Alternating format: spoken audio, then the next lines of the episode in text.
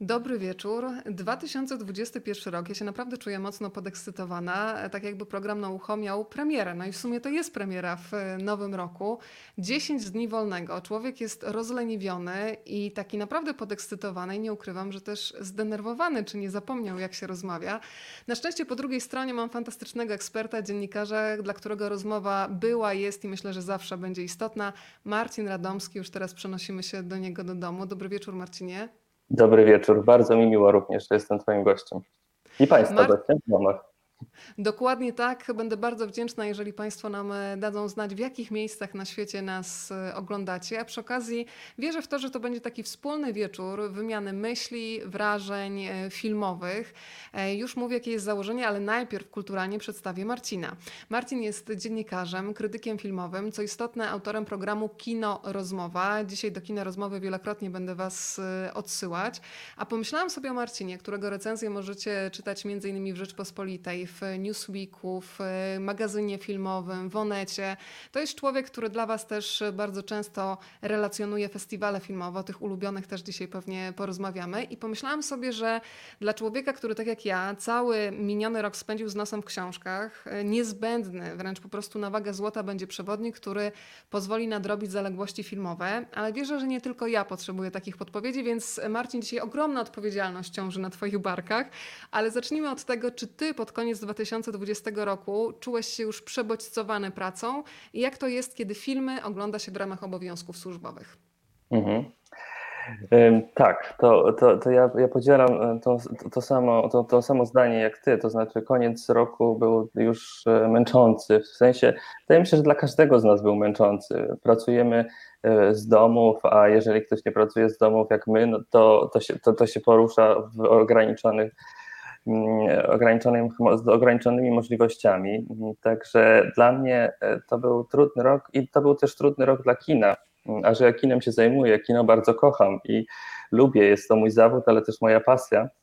E, I mm, kina miały bardzo, bardzo trudną sytuację, były zamknięte, więc większość filmów oglądaliśmy w domu. E, skupiliśmy się również na, na serialach. Ja też zacząłem więcej seriali oglądać, a, a filmy oglądałem głównie na ekranie telewizora, który mam podłączony do komputera, żeby ten ekran był chociaż trochę większy. Mm, I, tak, taka była ta, ta sytuacja. Mm, także zmęczenie na pewno, ale z drugiej strony też nowości, które się pojawiły, nowe, nowe perspektywy, nowe możliwości, nowe spotkania, właśnie w, w takim sensie, jak my teraz rozmawiamy, spotkanie online. Natomiast jeżeli chodzi o samo oglądanie filmów, to ja, ja uwielbiam to robić. Są takie momenty, tak jak e, wspomniałaś, że, że, że są, są chwile, kiedy już, już mamy dosyć nie wiem, oglądania, tak jak ja na przykład z mojego punktu widzenia, kiedy ja muszę w, w tygodniu obejrzeć kilkadziesiąt filmów.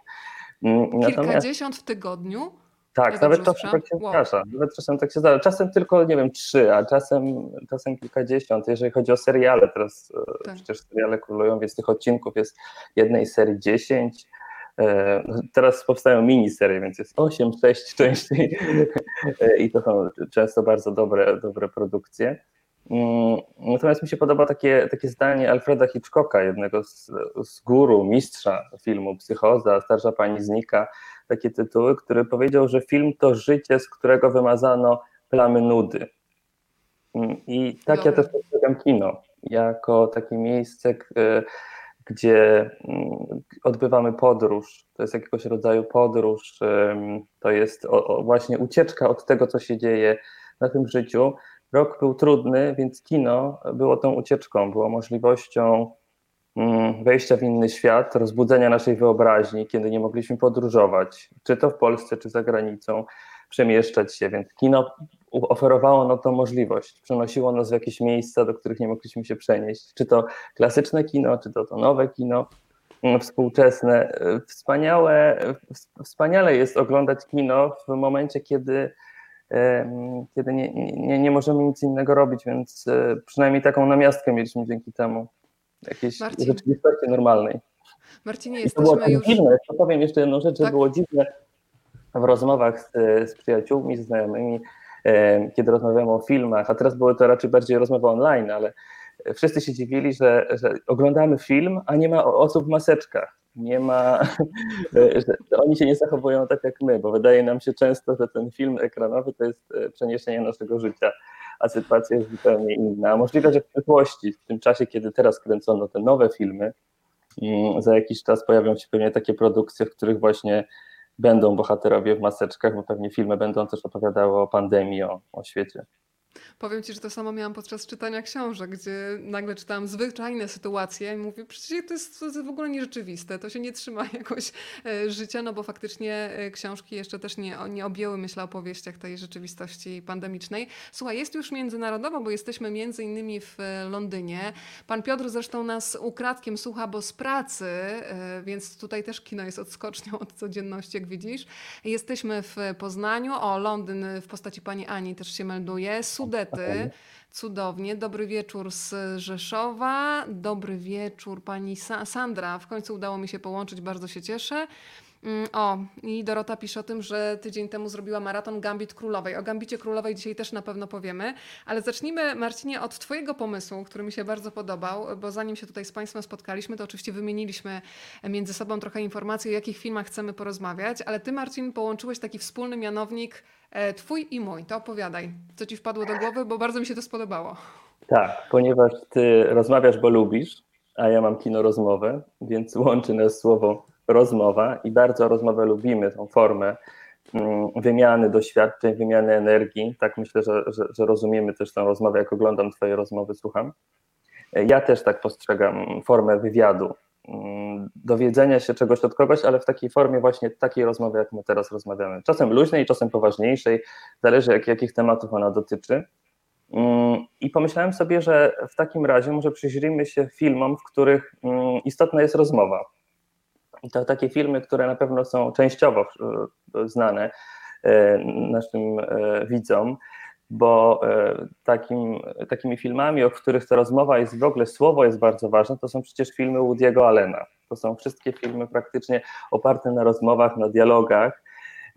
I jednym z moich ulubionych jest Annie Hall. Mm, to jest świetny, świetny film Woody'ego Allena, ale Hannah i jego siostry, kiedy Harry poznał Sally, klasyki filmowe, w których mm, język, e, rozmowa jest niezwykle istotna, bo, ona do, bo te filmy dotyczą głównie relacji, bycia w związkach mm, i, i odnalezienia wspólnego języka. Więc rozmowa w, tym, w tej sytuacji jest, jest podstawą. Często te filmy się rozpoczynają od, monologu, od monologu samego Woody'ego Allena, gdzieś e, z offu, czyli e, słyszymy tylko głos, nie widzimy jeszcze tego bohatera, są jakieś jego przemyślenia, a później rozpoczyna się rozmowa z przyjacielem, z, z partnerką o, o życiu. Najczęściej to są przecież filmy o życiu i, i rozmowy o życiu. Hmm. Pojawia się tam taki wątek i mm, analizowania. Ta analityczność jest bardzo ważna u Alena. Analizowania ka, ka, każdej części, cząstki, tak naprawdę Mm, czy to, czy to dotyczącej bardziej duszy, czy rozumu, tego w jaki sposób my postrzegamy, postrzegamy nasz świat. Często są to introspekcje e, do wewnątrz siebie, zastanawianie się, co jest istotne w naszym życiu. Ale jeszcze takie filmy, ciekaw jestem, czy, czy, czy nasi widzowie o, o, nich pamiętają, czy je widzieli, na przykład Przed zachodem słońca, Linklatera. To jest taka trylogia. E, jeden z nich jest właśnie Mm, jest, jest filmem o spotkaniu w pociągu, mm, podróży do, do Wiednia i tam nieznajomi się spotykają, których gra Julie Delpy i Ethan Hawke, główni bohaterowie. E, spotykają się w pociągu i spędzają cały czas na rozmowach. Ta rozmowa jest dla nich najważniejsza. Umawiają się, że za jakiś czas, za pół roku się spotkają. Do tego spotkania nie dochodzi, ale później przez przypadek spotykają się w Paryżu w kolejnej e, części tak. tego filmu. I tutaj jest bardzo istotny ten, ten moment komunikacji. E, rozmowa Forda Coppoli, to też jest film, sam tytuł już tutaj mówi, może ta rozmowa tam nie jest aż tak istotna, ale tutaj bardziej ten tytuł, ale też, też istotne jest to, że ten bohater mm, jest specjalistą od inwigilacji, główny bohater Harry e, i on e, po jednym z, kolejnych wykonanych działań swoich, podsłuchiwania, nagranie jednej z rozmów, słyszę takie zdanie, że zabije nas, jeśli będziemy, e, e, jeśli będziemy mieć, teraz do końca nie pamiętam, trochę trawestuję ten, e, mhm. te słowa, w każdym razie mm, chodzi o to, że, że, że, ci bohaterowie zostaną zabici. I on uznaje, że powinien rozwiązać tę zagadkę i dojść do rozwiązania, kim jest ten, kto, kto zleca, mm, zleca to morderstwo, bo tutaj to już dochodzą takie sprawy etyczne. Więc to są, to są ciekawe sytuacje, w których ta rozmowa pod różnymi kątami, w różnych, w, róż, pod, w różnych aspektach staje się dosyć istotna dla tych, dla tych bohaterów. Wiesz co, przyszedł mi do głowy film, na pewno serial, bo dzisiaj o serialach też będziemy no. mówić, w którym jest bardzo istotna rozmowa i w której ja po prostu, jak to się mówi, wciągnęłam wręcz nosem, po prostu nie mogłam się oderwać jeden odcinek za drugim. I myślę, że po latach też do niego z przyjemnością wrócę. Myślę o Bez tajemnic HBO, gdzie Jerzy Radziwiłowicz grał psychoterapeutę i przychodzili do niego e, różni pacjenci. E, Magdalena Popławska, fantastyczna, grała tam e, pacjentkę z borderline między innymi. I, i to było dla mnie fenomenalne, że może powstać serial serial, w którym nie ma fajerwerków w postaci nagłych zmian akcji, jakiejś scenografii rozbuchanej, tylko jest w zasadzie pomieszczenie, które jest gabinetem psychoterapeuty. Siadają naprzeciwko, sobie, naprzeciwko siebie dwie osoby i rozmawiają i w zasadzie w każdej z tych postaci, które się zjawiały w gabinecie psychologicznym, człowiek coś może wziąć dla siebie z każdej z nich, bo gdzieś tam jakieś fragmenty własnego doświadczenia znajdzie. Ale słuchaj, wypadł mi z głowy teraz tytuł, może ty mi pomożesz. Był kiedyś taki film, chyba Gutek Film go dystrybuował, o operatorze operatorze linii alarmowej, który odbiera telefon i cały tak naprawdę film e, kręci się wokół e, rozmowy, gdzie dzwoni kobieta. Mm, tam jest historia taka no, kryminalno-tragiczna, zaraz sobie przypomnę, ale tam w zasadzie jest skandynawski cały czas... film, mówisz o takim... Skandynawski, tak, tak, tak. tak. teraz wiesz to, zaraz ale sobie przypomnę. tytuł, ale zaraz sobie postaram przypomnieć go, może mi przyjdzie do go, a może ktoś z Państwa nam Może podpowie. ktoś z Państwa, on dokładnie. Był niedawno, on był niedawno e, w, w kinach, e, jakieś dwa lata temu i dostał też dużo nagród. Zaraz może mi się przypomni. Mhm. Państwo piszą, że Bez Tajemnic genialny serial, bardzo się cieszę. Mam nadzieję, pisze Sandra, że w naszej rozmowie pojawi się choć na chwilę mój ukochany Almodowar. Kto wie, kto wie. Tutaj wiesz, na naszej liście rozpisanej nie jest, ale my będziemy tak. skręcać razem z Państwa energią. E, słuchaj, ja tu mam zdjęcia i plakaty, na które warto zwrócić uwagę. Mm, tak, żeby zacznijmy w sumie chyba od. E, oglądałam twój, Twoje podsumowanie, w którym mówiłeś o tym, że no, najpopularniejszym bez wątpienia e, serialem, jeżeli chodzi o Netflixa, był Gambit Królowej. Powiedzmy trochę o tym, bo y, czytałam takie zestawienia, że przez pierwszych 28 dni to jest film, który pojawił się w 62 milionach gospodarstw domowych, więc nawet nie mówię o 62 milionach ludzi, tylko rozumiem, że w tym domu po kilka osób mogło oglądać, więc to jest absolutny hit Netflixa, prawda? Tak, to jest, to jest hit ostatniego roku. E, o tym serialu w pewnym momencie wszyscy, wszyscy rozmawiali. Co jest niesamowite, mm, to w jaki sposób e, szachy mm, i ten sport, jak stał się teraz popularny.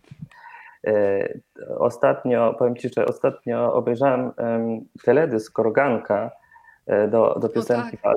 i napisałem o tej, o tej piosence, ponieważ i o tym teledysku bardziej, ponieważ zrobiła go Agata Trzybuchowska, i, mm, czyli Ida, mm, aktorka, która zagrała w Idzie Pawła Pawlikowskiego, ale teraz bardziej e, idzie w stronę reżyserii. Mm, mówię też to dlatego, że tam są inspiracje kinem Bergmana i Piną, i Piną Wendersa, taki film Pina, e, Wima Wendersa. I, prawda? Tak, tak.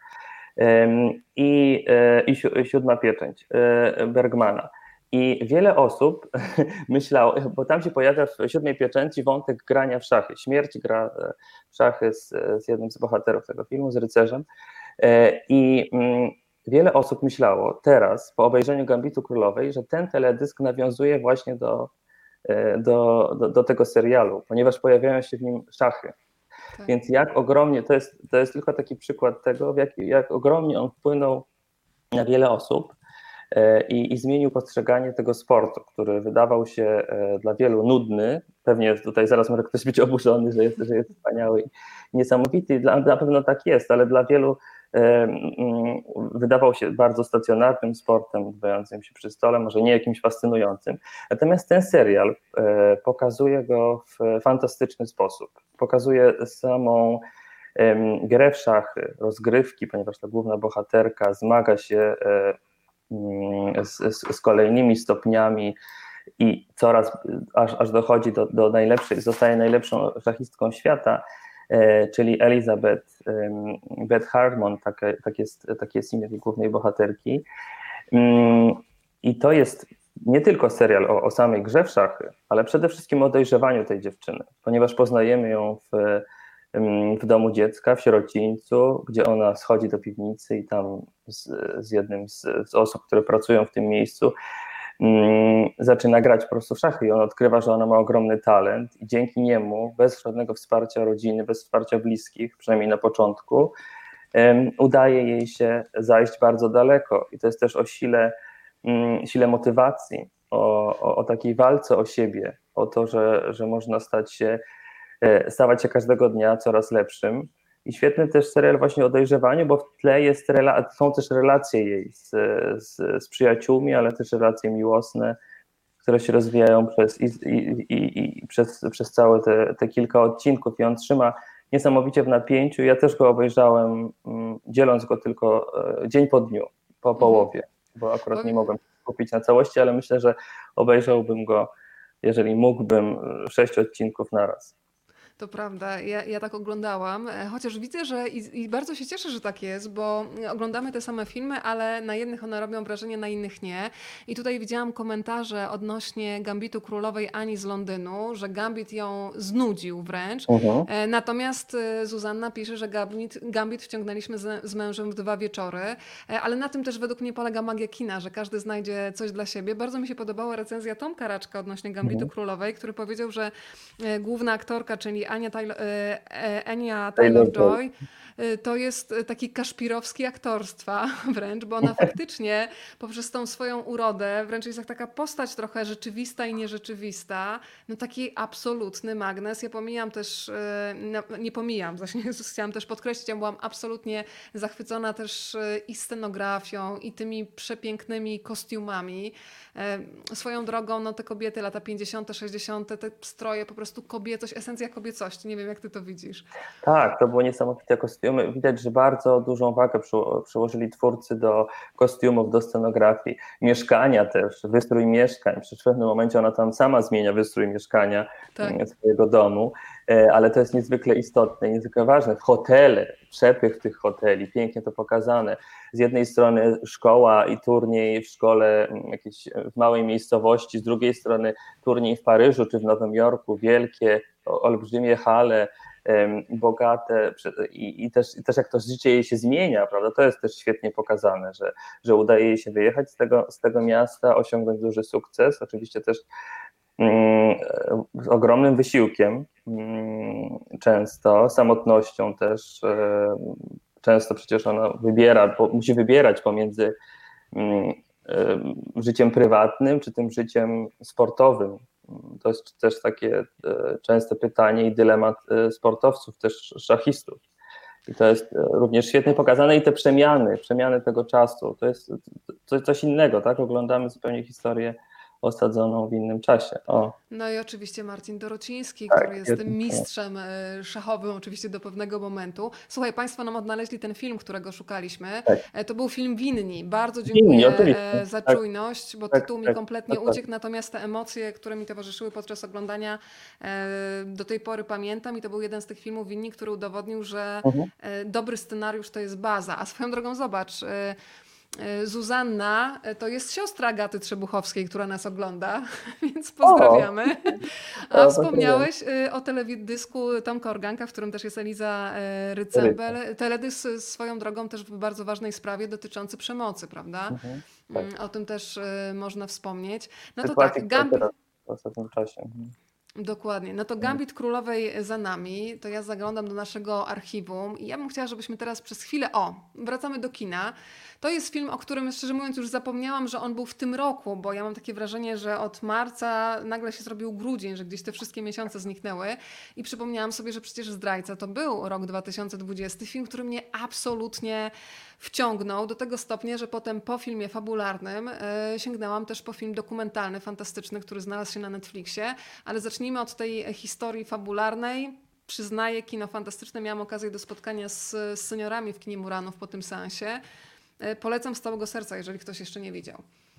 Tak, to jest też taki film właśnie, który, który szybko zniknął z, ekra z ekranów kin, bo, bo też pandemia i ta sytuacja niestety zamknięcia, jakie spowodowała ta, no, ale to jest właśnie niejednoznaczny, bardzo trzymający w napięciu mm, mm, zdrajca. Film e, o mafii, ale taki film, którego jeszcze nie było, bo mieliśmy już wiele filmów o mafii tak naprawdę, a tutaj jest ta historia opowiedziana z perspektywy bossa, tego głównego bossa, bossa mafii, Tomasz który nie Buszeta, prawda? To była ta postać Dobrze? wokół której... Tomaso, Tomaso tak. Buszeta to była ta postać tak. Y, szefa Cosa Nostry, który łamie omertę, czyli tam taką zmowę milczenia.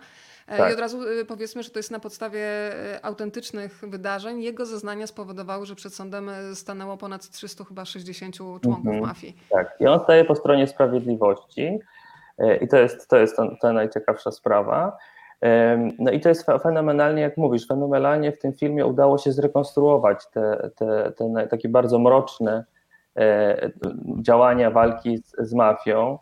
E, I tutaj w tym filmie pojawiają się dosyć, dosyć istotne pytania o lojalność, honor, zdradę, takie, które nie przestały być dzisiaj aktualne. Duża część tego filmu rozgrywa się na sali sądowej, e, ale tak jak wcześniej powiedziałem, on bardzo trzyma, trzyma w napięciu. I mimo, że ma, wydaje mi się, grubo ponad dwie godziny, może nawet trzy godziny, to, to i tak jest to, to świetna propozycja. Ja miałem okazję być e, programerem jednego z festiwali w tamtym roku właśnie i też, też wybrałem go do, do programu, e, bo i, i film dostał główną nagrodę. Więc byłem bardzo zadowolony, że, że to się udało, bo to też jeden z tych filmów, e, który który świetnie opowiada też i świetnie też portretuje mm, scenerię no, sycylijską właśnie i opowiada o tej mafii. To jest, ja też polecam Państwu, jeżeli jeszcze nie widzieliście filmu e, Nasz Ojciec Chrzestny, to jest dokument e, poświęcony właśnie temu bohaterowi. I przyznaję, że polecam taką kolejność, najpierw fabuła, potem dokument, bo to jest niesamowite, z jaką pieczołowitością e, te wydarzenia dokumentalne zostały odtworzone, myślę nawet o scenografii, potem w filmie. E, absolutnie wciągający, tak jak mówisz, to jest film, który naprawdę trwa chyba właśnie dwie godziny pod trzy jakoś, a kompletnie nie czujesz, e, kiedy to mija, więc Zdrajca bardzo dobry film. Słuchaj, spoglądam na twoją listę tutaj. Robiłeś takie zestawienie 10 najciekawszych filmów, no i na tej liście znalazły się mm, Zęby Mleczne, albo po prostu Baby Thief. E, powiedzmy trochę o tym filmie. Wiem, że on ma ogromną e, liczbę fanów i wcale się nie dziwię, bo to jest taki film, który pokazuje, że życie faktycznie według mnie jest tu i teraz. I, i może faktycznie paradoksalnie w sytuacji zagrożenia człowiek e, przestaje się przejmować jakimiś konwenansami, regułami, tylko sięga po to, co jest do zdobycia. tak. tak, tak, to prawda i to też jest, ten film jest, e, mamy teraz szansę go obejrzeć na Baby Thief na platformach VOD, bo przed chwilą, chyba jakoś kilka dni temu trafił do, do internetu. Wcześniej był przez chwilę w, w kinach w lato. Mm. Tak, to jest film, który e, umieściłem na moim top 10 na pierwszym miejscu. Mm, debiut reżyserski, mm, więc to już jest duże, duże zaskoczenie, e, że tak dobrze się, dobrze się udało. Mm, ale dla mnie on, e, ja napisałem coś takiego, że iskrzy spontanicznością głęboko wzrusza. I że to jest petarda o życiu, ale niestety bez, bez happy endu. E, I mm, gdy miłość staje się doświadczeniem transformacyjnym, ona jest tutaj rzeczywiście najważniejsza, bo historia jest o dysfunkcyjnej rodzinie, e, która w obliczu tragedii zbliża się do ciebie. Powiemy tylko tyle, że główna bohaterka jest, jest ciężko chora, śmiertelnie chora, o czym dowiadujemy się od samego początku. Mm, no ale dzięki miłości, dzięki opiece najbliższych osób, e, a tak naprawdę chłopaka, która ona przez przypadek spotyka, Tutaj mamy główną bohaterkę e, hipsterskiej peruce, tam takie materiały edukacyjne e, dla, dla młodzieży i, i tam właśnie opisywałem tą bohaterkę, uznałem, że ma właśnie taką hipsterską, hipsterską perukę o mm, niesamowitym kolorze. E, ale historia jest właśnie o tym, że ona poznaje chłopaka przez przypadek, który jest zupełnie z innej klasy społecznej, bo to jest film właśnie też o tym, o tych różnicach, o tym, że można się zbliżać mimo tego, bo dziewczyna pochodzi z bogatej rodziny, ten chłopak jest, jest nazwijmy to tak oględnie, z gorszej rodziny, mm, ale łączy ich jakieś uczucie, e, uczucie e, niezwykłe, tak niezwykle pokazane. Też właśnie tutaj o mamy foto z tego filmu, i kolory, jakie mają tutaj niezwykłe znaczenie w tym filmie, e, to jest też, one wpływają też na, na odbiór świetnie. Z dużą taką dojrzałością opowiedziany jest ten, e, ten dramat psychologiczny, bo tak moglibyśmy to nazwać. No i fantastyczny też chyba Marcin. Carpe diem, tylko chciałem powiedzieć, że żyjmy, żyjmy chwilą, żyjmy tym, co, co mamy w tym momencie, cieszmy się z tego, co mamy. Mm, I ten seans zostawia ogromną, zostajemy z ogromną refleksją na temat też, też własnego życia, a szczególnie teraz, właśnie w obliczu pandemii, w obliczu tego, jak ile, ile osób jest chorych, ile osób umiera, ile osób naszych bliskich e, tracimy. Bardzo mi się podoba też w tym filmie to, że y, to wszystko się rozgrywa tak dwuwarstwowo, bo z jednej strony patrzymy na parę głównych bohaterów, myślę o tych młodych, ale też bardzo dużo ciekawego dzieje się w relacji, jeżeli chodzi o rodziców e, tej dziewczyny. No i fantastyczny zestaw e, aktorski. Pamiętam, że z Izą chyba mm, z Best Filmu kiedyś rozmawiałyśmy o tym, że pani Scanlon, e, to gdyby taki film miał powstać na przykład w Polsce, to na przykład Eliza Rycember myślę, że też by podołała tej roli, Mhm. bo te aktorki mają coś Coś wspólnego. podobnego. Prawda? Toby Wallace to jest ten bohater, e, który e, wciela się w tego chłopaka, który pojawia się w życiu naszej bohaterki i, i zmienia to życie o 180 stopni. E, To teraz bardzo bym chciała, Marcin, żebyś powiedział trochę o filmie Gniazdo. Ja tego filmu nie widziałam. Umieściłeś je na swojej liście, więc teraz się wytłumacz, dlaczego tak wysoko i dlaczego po ten film Gniazdo warto sięgnąć.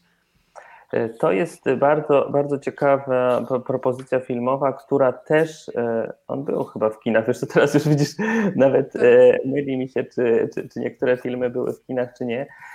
Natomiast na pewno ten film możemy oglądać już na, na ekranach komputerów również.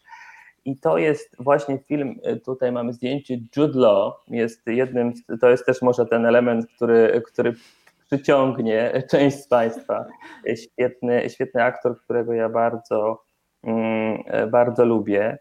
I To ja jest go opowieść bardzo lubię. To Tak. jest ten magnes, tak. Myślę, że. Młody papież e, na przykład między innymi, ale też, też wiele innych, e, wiele innych świe- świetnych ról. E, I to jest, to jest taki film o mm, małżeństwie, tak jak tutaj widzimy tytułową parę, które zmaga się z, z pewnymi problemami. Postanawia, że przeprowadzą się z, z Nowego Jorku, z, ze Stanów do, do Wielkiej Brytanii i tam e, postanawiają e, założyć, e, zacząć nowe życie. Mm, On bardzo pragnie tego, chce żyć na, na, na wysokim, wysokim poziomie, dlatego kupuje taką wielką rezydencję, w której oni się osiadają, a ona jest nieszczęśliwa. I stąd ten tytuł Gniazdo. On próbuje stworzyć takie gniazdo, a ona czuje się tam w tym, w tym gnieździe bardzo osaczona przez niego. Czyli to jest e, dramat psychologiczny z elementami takimi też troszeczkę e, mocniejszymi, bym powiedział, trochę takimi nawet e, z, z, thrillera psychologicznego. I e, ta, to, to zderzenie ich, ich, ich dwójki, tam jeszcze są dzieci oczywiście dorastające, które są, pozostają same sobie, jest takie na, e, najciekawsze w tym filmie. Bardzo jest to taki film e, też e, uwodzicielski. E, Charyzmatycznie, e, charyzmatyczne są te postaci. Chodzi o ten konflikt racji, e, która, która z tych osób w tym związku ma, ma rzeczywiście rację, a tak naprawdę to jest też historia o iluzji siły pieniądza. O tym, jak nie, nie, warto, nie warto popadać w taki krąg pozorów, ym, czasem, że bogactwo może, może nam w, rozwiązać wszystkie problemy, a wręcz zupełnie przeciwnie. A jeszcze tę atmosferę całą tego filmu, co jest bardzo ciekawe, m, podsycają zdjęcia operatora. Operatorem jest e, e, Węgier, który stworzył e, zdjęcia do takiego filmu Syn Szawła. Pewnie część e, z widzów widziała. To jest tak przejmujący film, że powiem Ci Marcin, teraz aż mi się w ciele przypomniało, to był jedyny film, podczas którego zarejestrowałam w sobie odruch ucieczki wręcz z kina. Tam są tak klaustrofobiczne kadry. Przejmujący film, absolutnie polecam każdemu, ale też wiem, że drugi raz do tego filmu nie wrócę, ponieważ y, emocjonalnie zdewastował mnie, ale też uważam, że oczywiście tak powinno działać dobre kino, wstrząsające kino. E, Syn Szawła, jeżeli ktoś z Państwa nie widział, koniecznie, ale zdecydowanie Polecamy, ale to jest momentach... bardzo trudny. Tak, i jeżeli Państwo są w takim nastroju stabilnym, bym powiedziała, bo jeżeli macie zjazd formy, to Syna Szawła proszę odłożyć, bo, bo człowiek się bardzo długo po tym filmie podnosi po prostu. Zdecydowanie, zdecydowanie, ale jest to, jest to jeden z lepszych filmów, zresztą dostał mm, Oscara w kategorii anglojęzyczny film. Więc Chciałam Ci powiedzieć, że mówiliśmy tutaj Jude Law, że Magnes, a właśnie Zuzanna napisała, że Gniazdo miała oglądać dziś wieczorem, ale słucha nas, więc film zostawia na jutro, czyli wygrałeś z Judem. Słuchaj, proszę sobie to zanotować. Chociaż tak.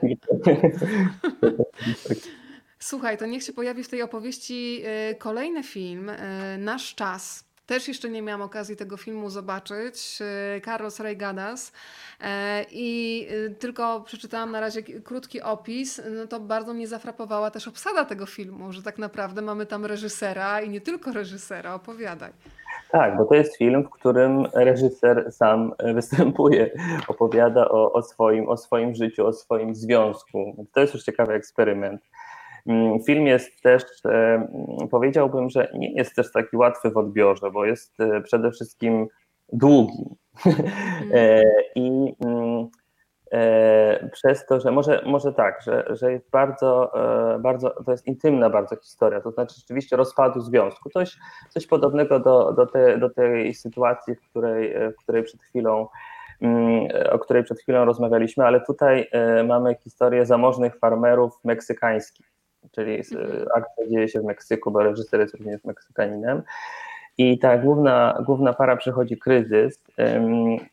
Kobieta tutaj wdaje się w romans z, z kimś innym. To wiemy od początku filmu, więc niewiele zdradzamy. Ja też nie chcę zdradzać, bo wiem, że tak. wiele osób, i dlatego to mówię, że, że boi się spoilerów, więc już więcej nie mówię. Mm, ale chodzi o, o to, że ten główny bohater mm, ma takie stado byków Dlatego też tutaj mamy ten, ten, na tym plakacie mm, to zwierzę. E, I e, ta, ta, ta, ta sytuacja mm, obserwacji tych zwierząt i jednocześnie też bycia w związku e, ma coś do siebie wspólnego. To znaczy, to jest film o takich podstawowych, takich atawistycznych instynktach, którymi my, dzikości takiej, którymi, za którymi my często podążamy. No ale to jest film o, o, miłości głównie, o tym bardzo oparty właśnie również o tym, o czym zaczęliśmy na początku, na rozmowach też. Czasem tej rozmowy jest brak, czasem rozmowa się pojawia, e, ale, mm, ale chodzi o ten konflikt, który się, który się rodzi między bohaterami. Mm, to jest pięknie pokazane, pięknie e, sfilmowane mm, tak po, pożądanie, agresja, namiętność gdzieś się ze sobą spotykają. Istotna jest też bardzo muzyka w tym filmie. Mm, także to jest e, ciekawy taki wymiar jednocześnie prywatny tego reżysera, ale też bardzo społeczny i dosyć uniwersalny jest ten film. Trzeba, w niego, trzeba rzeczywiście do niego przysiąść e, ze skupieniem. Na pewno łatwiej by byłoby oglądać go w kinie, no, ale mhm. teraz niestety nie mamy takiej możliwości, a jest dostępny też w internecie.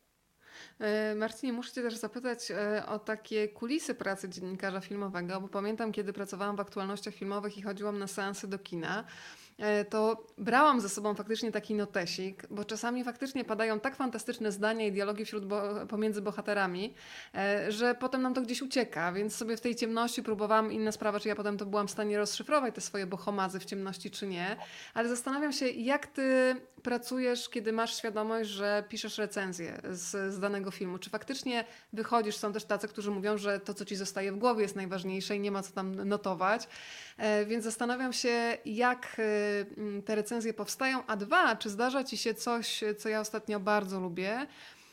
W zasadzie nie czytam niczego o filmie, i pozwalam się zaskakiwać. Czasami mi wystarczy krótka sugestia, zobacz to, bez opisywania y, nawet tego, czego dotyczy, bo mam wrażenie, że wtedy dopiero człowiek może się tak na czysto zanurzyć w historię. I, I, to są absolutnie najpiękniejsze często zaskoczenia, kiedy nie wiem prawie nic o filmie, chociaż wiem, że kiedy się pracuje już w branży typowo filmowej, no to dostajesz po prostu e, te wszystkie zapowiedzi filmowe z krótkimi opisami, więc czasami się trudno tego odkleić, ale tak ci się zdarza też.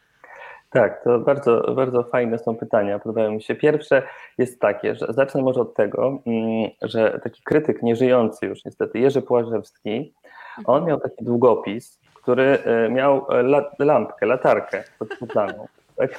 I jak włączało się go, to wtedy, ja słyszałem to tylko z opowieści, ja nigdy tego nie zobaczyłem. To, to po prostu miał możliwość, e, gdzieś siadał z boku zawsze, żeby nie przeszkadzać nikomu i dzięki temu te notatki były dosyć, dosyć wyraźne.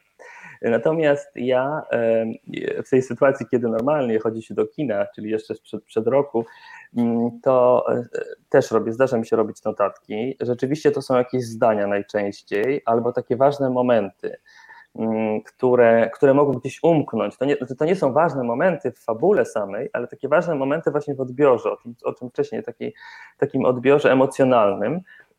jeszcze zwłaszcza jeżeli widzę ten film miesiąc czy dwa miesiące przed premierą w kinie, więc jeżeli później będę to pisał na tydzień przed czy dwa tygodnie przed wejściem do kina i gdzieś wysyłał, to, to mi umknie, te emocje mi umyka, umkną wtedy, ponieważ ja już będę miał, będę po seansie kolejnych iluś filmów i będzie mi się zacierała, zacierało, co było w tym filmie, a co, co w tym. Nie myślę o samej narracji, tylko o tym emocjonalnym odbiorze. Dlatego to są, to są takie ważne notatki. Czasem pada ważne zdanie w filmie i warto je zapisać, warto o nim później wspomnieć, czy jakoś do niego nawiązać w tekście. Więc to są rzeczywiście takie, takie sytuacje, ale nie, nie, nie robię długich notatek, nie, nie opisuję e, sobie w trakcie e, filmu, bardziej to zostawiam w głowie i później do tego wracam. Natomiast jeżeli chodzi o drugie pytanie, to niestety właśnie to nie jest tak łatwo w moim przypadku. Chciałbym, mm, szczególnie te, teraz, jak już kilka lat już dobrych tym się zajmuję, to chciałbym e, czasem właśnie wejść do kina, nie wiedząc nic o filmie i się zaskoczyć. To jest możliwe na festiwalach filmowych czasem, o których tak. pewnie porozmawiamy w dalszej części, mhm. bo wtedy są nowości, premiery światowe, często, szczególnie na tych dużych festiwalach, gdzie nic możesz nie wiedzieć, jeżeli nie czytasz o filmie za dużo, jedynie reżysera, jakieś dwa zdania może opisu. To jest możliwe. Natomiast jeżeli chodzi o takie firmy, które są w repertuarze kin, czy teraz platform streamingowych, to często ja muszę o nich wcześniej już wiedzieć, często o nich wcześniej piszę, często wcześniej o nich mówię czy zapowiadam. E, teraz opowiadam, e, my też będziemy, wiem, że o tym rozmawiali, ale gdzieś mi się zdarza opowiadać też w radiu, na przykład o tym, co, co w tym roku 2021 będzie, będzie e, tym, na co warto pójść do kina, jakieś hity, więc ja już teraz o tych filmach czytam, dowiaduję się o nich, bo muszę zrobić jakieś zestawienia, e, więc e, niestety część z tych, z tych informacji mnie, no muszę wiedzieć, one do mnie docierają i to jest część, część również mojej pracy, ale czasem zdarzają się takie historie, Bardziej lubię się oczywiście zaskoczyć w tą stronę, że jeżeli ktoś mówi, że mm, film jest niezbyt dobry, a mi się on bardzo podoba i e, spotyka się też z uznaniem części publiczności potem, to mnie to bardzo cieszy. Gorzej jak jest w drugą stronę, bo niestety to przeważnie dotyczy tej drugiej sytuacji, że e, mm, promocja filmu jest tak napędzana przez kilka miesięcy przed, że wydaje nam się, że obejrzymy arcydzieło, że ja obejrzę tak. arcydzieło, to będę mógł później o tym napisać, opowiedzieć wszystkim e, widzom i oni będą mogli pójść i też będą mieli te same odczucia i emocje, a jest, a jest inaczej niestety, bo, mm, no bo to jest też bardzo subiektywne tak, w odbiorze, to trzeba zawsze podkreślić, moja praca. Dzisiaj, Marcinie, będziemy skakać pomiędzy kinem a platformami, platformami streamingowymi. Mm, no to teraz widzę, że Państwo też tutaj piszą. Mariusz Rzepka, Brodczecz. O tak, drodzy Państwo, o, te, o, tym serialu wspomniał Bartek Maciejewski, który też widzę, że dzisiaj jest razem z nami. Mhm. E, Bartek, e, przez Ciebie trzy dni miałam wyjęte po prostu z, z życia. E, to jest od razu powiedzmy film, który był już jakiś czas temu w telewizji, ale kino chyba też potem pokazywało serię. Olivia Colman, uwielbiam tę aktorkę, no i Charlotte Rampling, która się pojawia w, bodajże w drugiej części.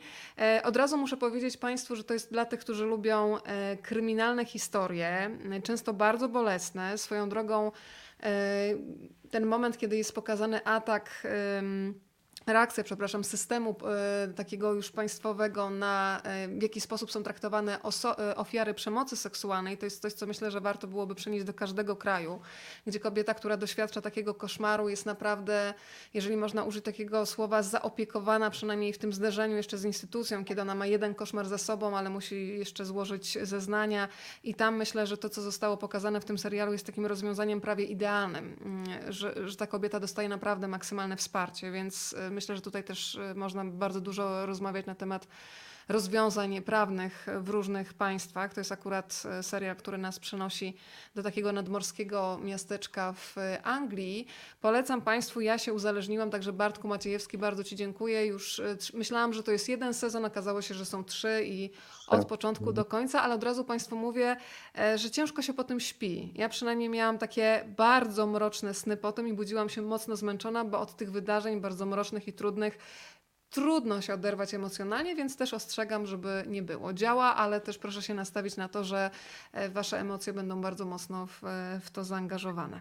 A ja To- chciałem mm. nawiązać do tego, co mówiłaś o aktorce, o Olivii Colman. To jest Tak. jedna z, moich ulubionych aktorek, a szczególnie w ostatnim czasie ona ma mm, sw- swój moment, wydaje mi się, e, faworyta. E, Świetny, świetny film i świetna rola tam, ale mm, też przecież The Crown. Mm, To jest dla mnie na razie najlepsza królowa. Jeszcze zobaczymy, bo będą kolejne sezony. Tak. Ale ona jest e, najlepsza, e, oddaje Elżbietę II e, świetnie, idealnie. Jakieś takie też zagubienie tej postaci The Crown jest dla mnie niesamowite. Też w tym kontakcie z Margaret Thatcher teraz, czy z Di- Dianą, świetnie, świetnie to jest uchwycone. W ogóle ten ostatni sezon według mnie jest najlepszy z tych wszystkich, które do tej pory mieliśmy. Mm, i czekam na więcej. Może też przez te, przez te postaci, które, mm, które właśnie doszły i takie mm, ciekawy też moment w tej historii Wielkiej Brytanii e, i to politycznie i prywatnie w tych w relacjach pomiędzy wszystkimi dziećmi mm, i, i wnukami, e, które tam się pojawiają też, więc to jest e, to jest dla mnie, ciekawy jestem jak, jak nasi widzowie, czy, czy im się podobało The Crown i czy, czy w ogóle oglądali. E, Martin, jeszcze jest pytanie od pani Magdy. Czy znamy odpowiedź, gdzie można zobaczyć gniazdo? Czy on już jest gdzieś na jakiejś platformie? Czy... Gniazdo jest, ja zaraz, zaraz zobaczę. Um, ono się pojawiło na platformach VOD, um, ale nie jestem pewien, czy, czy to już, czy może dopiero w najbliższych miesiącach będzie. Możliwe, że nie, on chyba nie jest dostępny. Aha, bo ja przygotowując już wiem dlaczego powiedziałem, że jest dostępny, mm, ponieważ przygotowywałem dla moich znajomych, e, ktoś w komentarzach pod tą listą napisał, że mm, chciałby zobaczyć te filmy i to jest chyba jeden z tych filmów, który wejdzie e, chyba w lutym. Tak mi się wydaje. To ja pomyliłem. Czyli jeszcze e, trzeba Tak, poczekać. chyba jeszcze trzeba poczekać. Możemy Ale napisać później w komentarzu, ja mogę to odnaleźć i, i napiszemy może, gdzie, gdzie będzie można zobaczyć. Jasne, ale na pewno można zobaczyć, słuchaj, e, przenosimy się teraz z Netflixa na HBO e, i normalni ludzie, wiem, że bardzo lubisz ten serial, zresztą nie bez przyczyny się znalazł na twojej liście. Dlaczego? Tak, to jest rzeczywiście jeden z seriali, który powiem Ci, że właśnie jak rozmawialiśmy o tych zaskoczeniach, to, to on był dla mnie takim dużym zaskoczeniem Mm, y, i byłem pod ogromnym wrażeniem y, tego, w jaki sposób y, można mm, przedstawić taką zwyczajną historię. To jest też przecież historia na podstawie książki. Najpierw była książka, później powstał, mm, powstał serial. Intymność. Intymność jest tutaj najwa- najważniejsza dla mnie. Pokazanie momentu dorastania mm, w tak niezwykle wrażliwy sposób. To się rzadko zdarza, żeby można było tak przenieść e, relację, którą gdzieś e, możemy, nie wiem, albo znać osobiście, albo znać z, z przekazów bliskich nam osób. A tutaj mamy to pokazane na ekranie w taki subtelny, niezwykle wrażliwy sposób. e, normalni ludzie właśnie, taka normalna historia, nic nie jest wymyślone, oni mają problemy, które każdy z nas miał na pewno, e, szczególnie w okresie dojrzewania w szkole, czy to, czy to był tym ulubieńcem, który jest, e, którym jest ten główny bohater, czy, e, czy właśnie tą, tą outsiderką, którą jest ona, oni się spotykają gdzieś, ale w tym momencie nie mogą być ze sobą. Później sytuacja zupełnie się odwraca i to jest też, to jest też świetne, taki trik, odwrócenie tej sytuacji w ich życiu, jak, jak oni postrzegali to wcześniej, a jak ich zaskoczyła rzeczywistość. Mm, jakimś zmaganiu się, o zmaganiu się, byciu, byciu ze sobą, o takiej walce o miłość, o, o, o wolność też, o to, żeby, żeby być sobą jednocześnie w, w, w tym związku, a no i to, to jest chyba jedna z, jeden z takich seriali, który naprawdę zrobił na mnie ogromne wrażenie przez tą emocjonalność, którą przekazuje, przez taką prawdę też niezwykle niezwykle e, przejmujący też, taki, że, że nawet ciężko, powiem Ci, że nie jest to historia przecież, e, filmy, o których rozmawialiśmy, Gniazdo czy Nasz Czas, tamte, tam, tamte, relacje, są, tamte relacje są tak ekstremalnie nawet pokazane w niektórych momentach, tak. natomiast tutaj to nawiązuje do tego tytułu zwykła, zwykła relacja, ale w taki sposób jakoś oddana też w zdjęciach, w grze aktorskiej. No niesamowicie to jest e, świetnie, świetnie ukazane. Więc zaskoczenie, bo to końcówka. Ja oglądałem w końcówce roku ten serial, e, więc e, to, to było dla mnie duże, duże zaskoczenie i też taka mm, radość, że coś takiego jeszcze się trafiło, że takie opowieści mogą, mogą się zdarzać. Marcin, pytanie do Ciebie od Pani Doroty. Co sądzisz o serialu Wielka na HBO? Wielka, to jest też serial, który, mm, który mi się podobał. Mm, wiem, że, wiem, że to, tutaj zdania są podzielone. No, toczyłem taką dyskusję w internecie mm, o Katarzynie Wielkiej. To jest serial, przypomnijmy, i to jest serial zrobiony z dużą dozą ironii. Z, nie, jest, nie są oddane realia historyczne. Ja właśnie rozmawiałem, e, toczyłem taką dyskusję z kimś, kto uważał, że serial, coś takiego jak The Crown teraz była ta dyskusja mm -hmm. też o mhm. The Crown, że serial powinien, a nawet nie serial, ale film w ogóle powinien oddawać prawdę historyczną, a szczególnie nie w ten sposób, e, w jaki tutaj trochę taki prześmiewczy e, jest ukazana ta Katarzyna Wielka i jej otoczenie. Mm, I mm, no, dla mnie właśnie to jest, to jest atut tego serialu to jest duży atut, bo ja uważam, że w ten sposób szczególnie e, młodzi ludzie, którzy może nie zainteresowaliby się Katarzyną Wielką, wcześniej był e, inny serial o Katarzynie, e, inny tak, serial, to był krótki, o Katarzynie Wielkiej, który, który był no, zrobiony bardzo na serio, tak sztucznie, a ten, ten jest z przymrużeniem oka, i jeżeli ktoś potrzebuje dowiedzieć się, jak było naprawdę, to przecież może zajrzeć w internecie, wyszukać informacji. A serial też przecież to jest kino, to jest rozrywka, to nie jest dokument. To zawsze to, to, to, to trzeba powtarzać, że to nie jest dokument. Założeniem dokumentu jest to, że przedstawia realia historyczne, a to jest serial, który wymyślili sobie twórcy. Licencja poetyka daje im możliwość tego, więc e, jest, e, jest wszystko możliwe tutaj to zaznaczyłeś, że to nie jest dokument, to ja teraz przeskoczę do dokumentu, bo wiem, że też po drugiej stronie są fani dokumentu. E, no i to jest okazja, żeby powiedzieć o bardzo barwnej postaci. Myślę o pani Jolancie Janus, którą Państwo mogą poznać dzięki filmowi Lekcja Miłości. Tak. E, ja dobrze, Marcin, pamiętam, że to był jeszcze ten moment, kiedy w ograniczonych warunkach, ale jeszcze można było chodzić do kina i chyba pani Jolanta też e, była jako gość w fantastyczny sposób witana jeszcze przez publiczność, już w maseczkach, ale jeszcze chyba można było chodzić do kina, prawda? Tak, tak, to było rzeczywiście i premiera tego filmu się odbyła, chyba w kinie Luna mm, i tam pojawiła się pani Jola. Pani Jola e, Janus jest e, główną bohaterką tego filmu, ma blisko 70 lat e, i to jest bardzo piękna z jednej strony, a z drugiej strony charakterna kobieta. Mm, ja napisałem takie zdanie, że ma zadatki na idolkę, E, pisząc recenzję tego filmu, ponieważ e, rzeczywiście mm, postanowiła zmienić swoje życie. To znaczy, teraz w tym wieku, po wielu latach małżeństwa, postanowiła, że, że um, odnajdzie się w innej rzeczywistości. Zrezygnuje z bycia z mężem i poznaje tego pana, którego tutaj widzimy na ławce, siedzącego obok niej to jest nieszczęśliwa też historia, to znaczy te, te lata jej życia, ona mieszkała we Włoszech przez wiele lat, miała męża, który mm, e, źle ją traktował. E, to była relacja przemocowa, mm, ona wielokrotnie z nim się rozstawała, wielokrotnie do niego wracała, ale ten film o tym nie opowiada. To jest gdzieś tam w relacjach, kiedy ona rozmawia z córkami, jest pokazana przeszłość, ten mąż też się w filmie pojawia, ale tutaj chodzi o to, to nowe otwarcie. mm, o to jej nowe życie, o, to, o, jej, o jej wolność, o wyzbycie się tej przeszłości i, i taką walkę o niezależność. Mm, taki nowy, nowy rytm serca, rytm bicia serca. Mm, pani Jola świetnie śpiewa również. Pojawia się piosenka Miłości wszystko wybaczy, Anki Ordonówny. Mm, pani Jola występuje na dancingach, pani Jola jest pełna życia dzisiaj. Pani Jola jest w ogóle takim zjawiskiem, bo jak ona się tak. pojawiała nawet w holu kina, takim kolorowym osoby, ptakiem.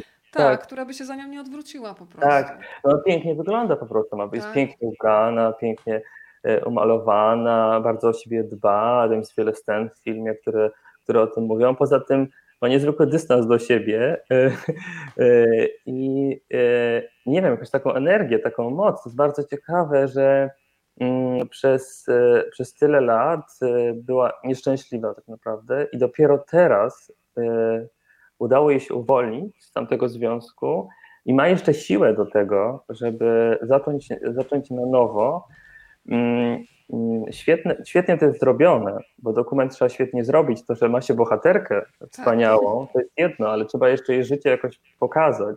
Więc są relacje właśnie z bliskimi, są relacje z koleżankami, są bardzo śmieszne Rozmowa sytuacje. z księdzem, prawda? Rozmowa z księdzem, tak, dosyć poważna. Czy ona może mieć dwóch mężów w tej, w tej chwili?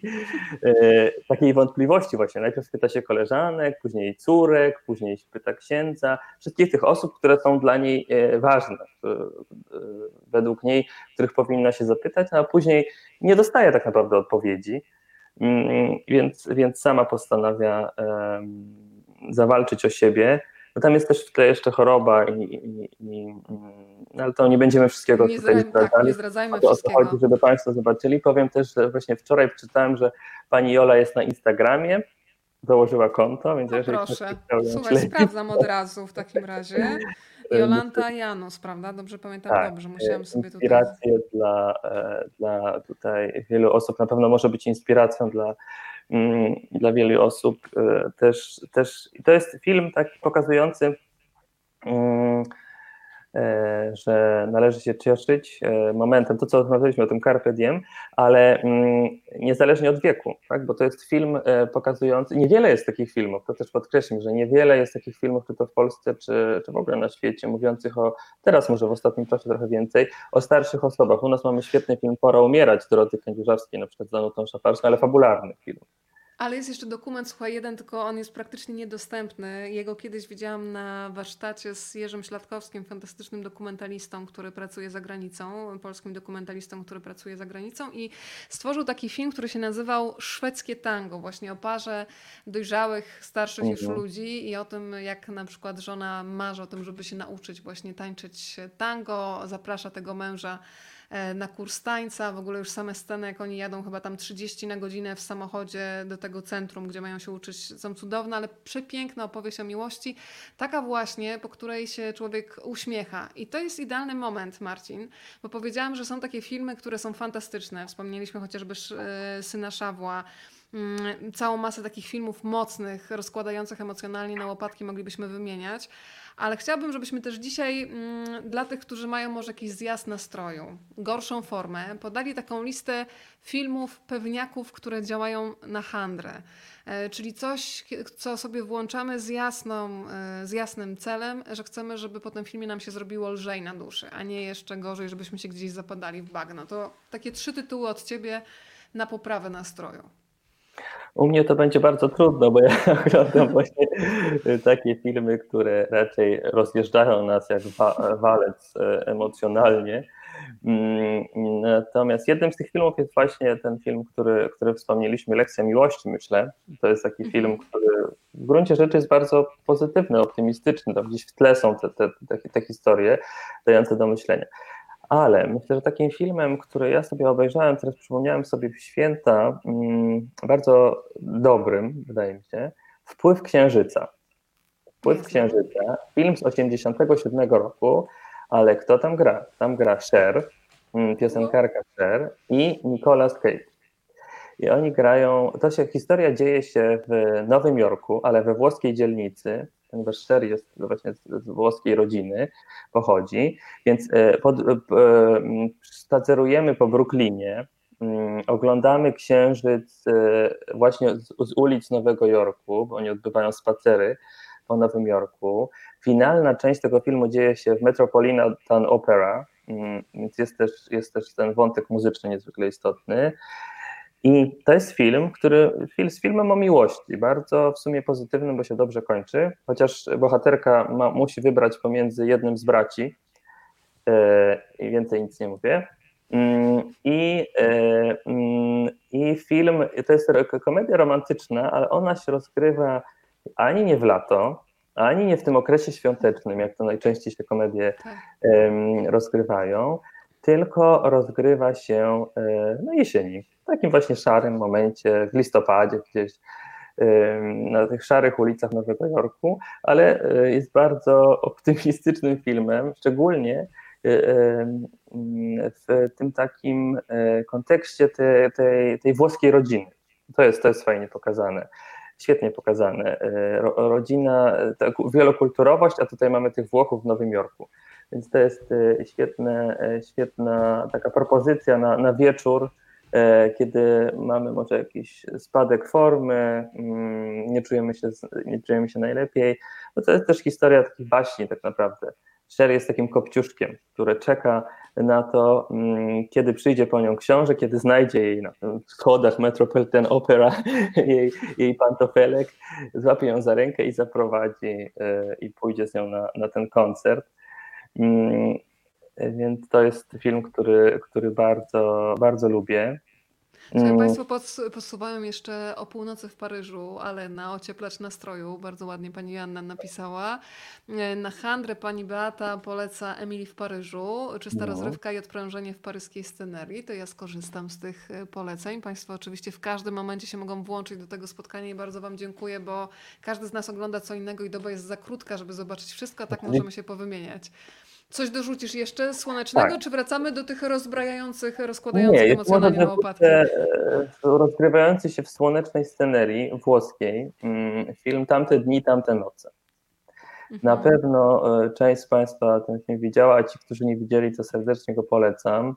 Luca Guadagnino, mm, ale też nawiązania do innych włoskich e, reżyserów, do Viscontiego, do Bertolucciego, wiele nawiązań do, do historii w ogóle kina w tym filmie odnajdziemy. A to jest 83 rok, włoska prowincja i buzujące zmysły mm, rodzące się pomiędzy dwójką bohaterów.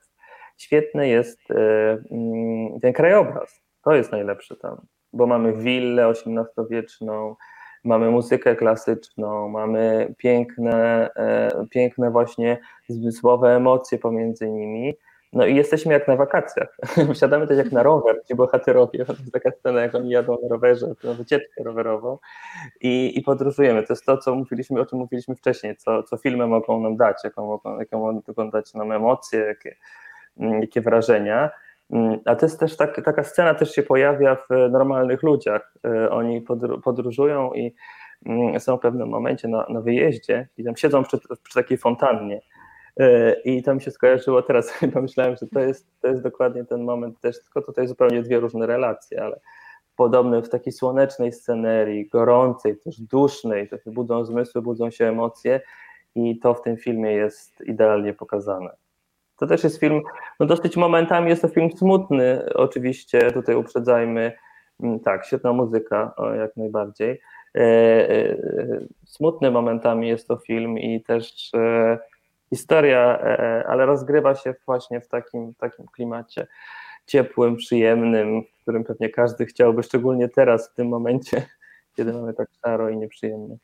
Słuchaj, ale gdzieś tu mi mignął, mignął tytuł, który też jest na Twojej liście. Już nie pamiętam, kto z Państwa podrzucił. O, jest Dorota. Kłamstewko. Mhm. Też chyba jest takim filmem, prawda? Który oczywiście, że e, nie ma w sobie tylko lekkości, bo tam też jest bardzo poważny temat, co tu dużo mówić, ale jest w nim bardzo dużo takiego ciepła i wdzięku. Tak, tak. to jest film, który też, też e, jeden z lepszych uważam, że, że z tamtego roku. Dużo jest w nim wdzięku. Rzeczywiście, chyba też ze względu na mm, bohaterów tego filmu i też e, jak mówiliśmy o filmie z Sher, Wpływ Księżyca, o emigracji, o, mm, o migracjach, to tutaj też jest e, taka sytuacja. ponieważ ta główna, główna bohaterka, 30-latka Billy, mm, mieszka w Nowym Jorku, a grana jest przez, przez raperkę i aktorkę Aquavinę. E, przybywa do e, rodzinnego miasta, chińskiego miasta, mm, gdzie spotyka się cała rodzina, ponieważ e, okazało się, że babcia choruje bardzo ciężko i rodzina nie mówi jej o tym, ale spotyka się pod pretekstem ślubu. I to jest sytuacja, mm, do której dochodzi w trakcie filmu. E, I tutaj chodzi właśnie o to, o to pojednanie się z rodziną. I to jest taki film rzeczywiście podnoszący na duchu, mówiący, bardzo tak. śmieszna jest postać babci, um, która niczego nie wie, więc jest nieświadoma swojej sytuacji. Cieszy się, że spotka się ze swoją rodziną, że, że ci, którzy do niej nie przyjeżdżali przez lata, bo mieszkają daleko za oceanem, teraz mają taką okazję ze względu na ten ślub. Um, ale tam się też pojawia, e, pojawiają e, takie trudne relacje, szczególnie związane z winą, z poczuciem winy kogoś w stosunku do kogoś, właśnie matki, E, ojca, tej głównej. I też głównej jest chyba bardzo ciekawe to, y, z czym się pewnie wiele osób y, mierzy, że dzisiaj, szczególnie w takich sytuacji pandemicznej, to już w ogóle, kiedy dzieci no, odcinają pępowinę i zaczynają żyć swoim życiem, e, i tam jest bardzo mm, taki delikatny, a jednocześnie bardzo przejmujący sposób pokazane, tak jak mówisz, to, to poczucie winy, czy ma się prawo do swojego życia, które się toczy gdzieś na drugiej półkuli, i że jednak chciałoby się być i tu, i tu jednocześnie. E, i trzeba w pewnym momencie wybrać, jakoś to pogodzić. Tak, to jest właśnie ciekawe zderzenie takiej zachodniej i wschodniej mentalności. Ta zachodnia mentalność to jest ta mentalność USA. Indywidualista, ta, prawda? Tak, tak, a ta wschodnia to jest mentalność y, ta chińska, taka azjatycka powiedzmy. Wspólnotowa bardzo. Wspólnotowa, tak. I tam pamiętam, że jeden z bohaterów mówi takie zdanie, że e, na wschodzie życie jednostki jest częścią całości. Mhm zupełnie, e, czyli ta wspólnotowość, właśnie to, co dokładnie ty powiedziałeś, to jeden z bohaterów coś takiego mówi i tutaj chodzi właśnie o to zawieszenie pomiędzy tymi dwoma kulturami, o przejęcie jednej i, i, e, i porzucenie drugiej. I pytanie brzmi, czy da się to, czy to gdzieś się da po, po, połączyć, e, te dwie, te dwie perspektywy, więc to jest mm, z jednej strony bardzo śmieszny, przyjemny film, bo taki jest, taki jest jego odbiór, ale gdzieś głębiej, pod tą drugą warstwą, no jest to ukryte, są te problemy emigrantów, e, są problemy też e, bardziej takie polityczne, bo tam jest też takie lekko zarysowana ta, ta sytuacja mm, komunistycznych Chin, gdzieś to się pojawia i tej, tej walki pomiędzy Chinami a USA, ale to jest gdzieś jakieś, jakaś kolejna, kolejna warstwa, która gdzieś w rozmowach pomiędzy nimi e, się pojawia, ale jest to również bardzo, bardzo śmieszna sytuacja. mm, o, też o, o, tam są takie sceny dotyczące słabości z, z alkoholem. E, z, z, sceny wesela w ogóle, tego tańca, tak, śpiewania. Wesela, tańca, fajnej muzyki takiej, którą wszyscy znamy, gdzieś, gdzieś pop, która się pojawia e, tak, e, tak przez przypadek no, sama babcia angażuje się w, w przygotowanie tego ślubu, e, idzie na grób męża, pozwala tam zapalić e, papierosa. Jest dużo, dużo takich śmiesznych, e, śmiesznych historii, które wzbudzają w nas mm, śmiech e, i, i dużo. To jest taki film bardzo z wdziękiem opowiedziany, a też chodzi w nim o tak naprawdę o potrzebie bliskości, którą każdy z nas ma. To ja muszę Cię jeszcze zapytać, jaki jest Twój stosunek do serialu Afterlife, e, bo ja mam taką kategorię w głowie takich filmów, które są słodko-gorzkie. E, ja na przykład przy Afterlife przy niejednym odcinku się popłakałam bo mam wrażenie, że patrzymy na ekranie na takiego mężczyznę, który na zewnątrz może uchodzić za gbura, który ma taki pancerz, ale zakłada ten pancerz, ponieważ jest straszliwie poraniony w środku, no i też bardzo tęskni za swoją ukochaną. E, która umiera. No i tam jest też oczywiście czworonóg, więc na mnie to działa podwójnie. E, I ten jego bohater no czasami przyznaje wprost, że jedyną motywacją do tego, żeby nie skończyć ze swoim życiem i żeby wstać z łóżka, jest ten pies, któremu trzeba otworzyć e, puszkę z żarciem, bo sam tego nie zrobi. Bardzo lubię ten serial, czekam na kolejne odsłony, bo lubię to takie poczucie humoru. Nieoczywiste, czasami mm, bardzo ironiczne, ale na mnie Afterlife działa. Zastanawiam się, jak jest z Tobą. Tak, na mnie też i rzeczywiście, ja też, e, znaczy tak, e, działa i to jest to brytyjskie poczucie humoru, które też jest czasem bliskie temu, dla mnie przynajmniej, ja mam takie jakieś wrażenie, mm, mm, skandynawskiemu mm, poczuciu humoru też. To znaczy takiemu, że e, że mamy już jakby chcemy skończyć ze swoim życiem. E, I to jest też świetna, świetna sprawa z filmów i seriali, że jest taka możliwość pokazania takiej przemiany, która też nie jest łatwa i trwa dosyć długo, tak jak tutaj to, to widzimy, ale jednak jest jakaś walka tego bohatera walka, zmaganie się każdego dnia z, ze swoim życiem i próba jakiegoś, jakiejś odbudowy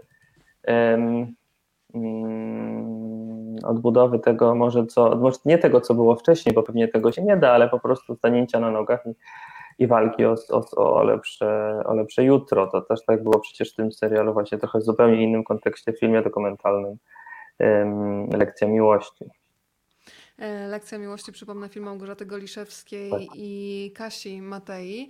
E, powiedzieliśmy o dokumentach, powiedzieliśmy o fabułach. Bardzo bym chciała, żeby się pojawiła animacja, tym bardziej, że wśród Twoich gości w minionym roku e, pojawił się reżyser filmu Zabij to i wyjedź z tego miasta, czyli Mariusz Wilczyński.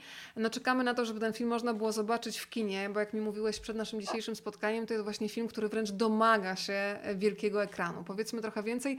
Powiem Ci, że z dużą przyjemnością oglądałam Wasze spotkanie Mariusza Wilczyńskiego, jak sam powiedziałeś, takie dwa metry wrażliwości, empatii, e, takiej mm, wrażliwości, taki człowiek, który ma jakby na wierzchu wszystkie te receptory odbierające emocje.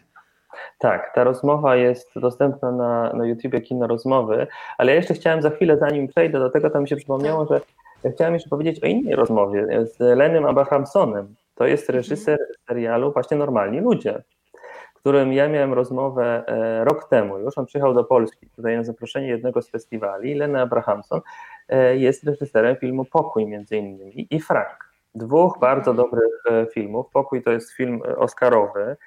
Mm, I ja z nim wtedy rozmawiałem o tych filmach. Nie wiedziałem jeszcze, że on będzie robił ten serial, a później się okazało, że ten właśnie świetny reżyser zrobił serial Normalni Ludzie, sześć pierwszych odcinków. Rozmowa jest na YouTubie Kino Rozmowy i jak wspomniałaś również z Mariuszem Wilczyńskim.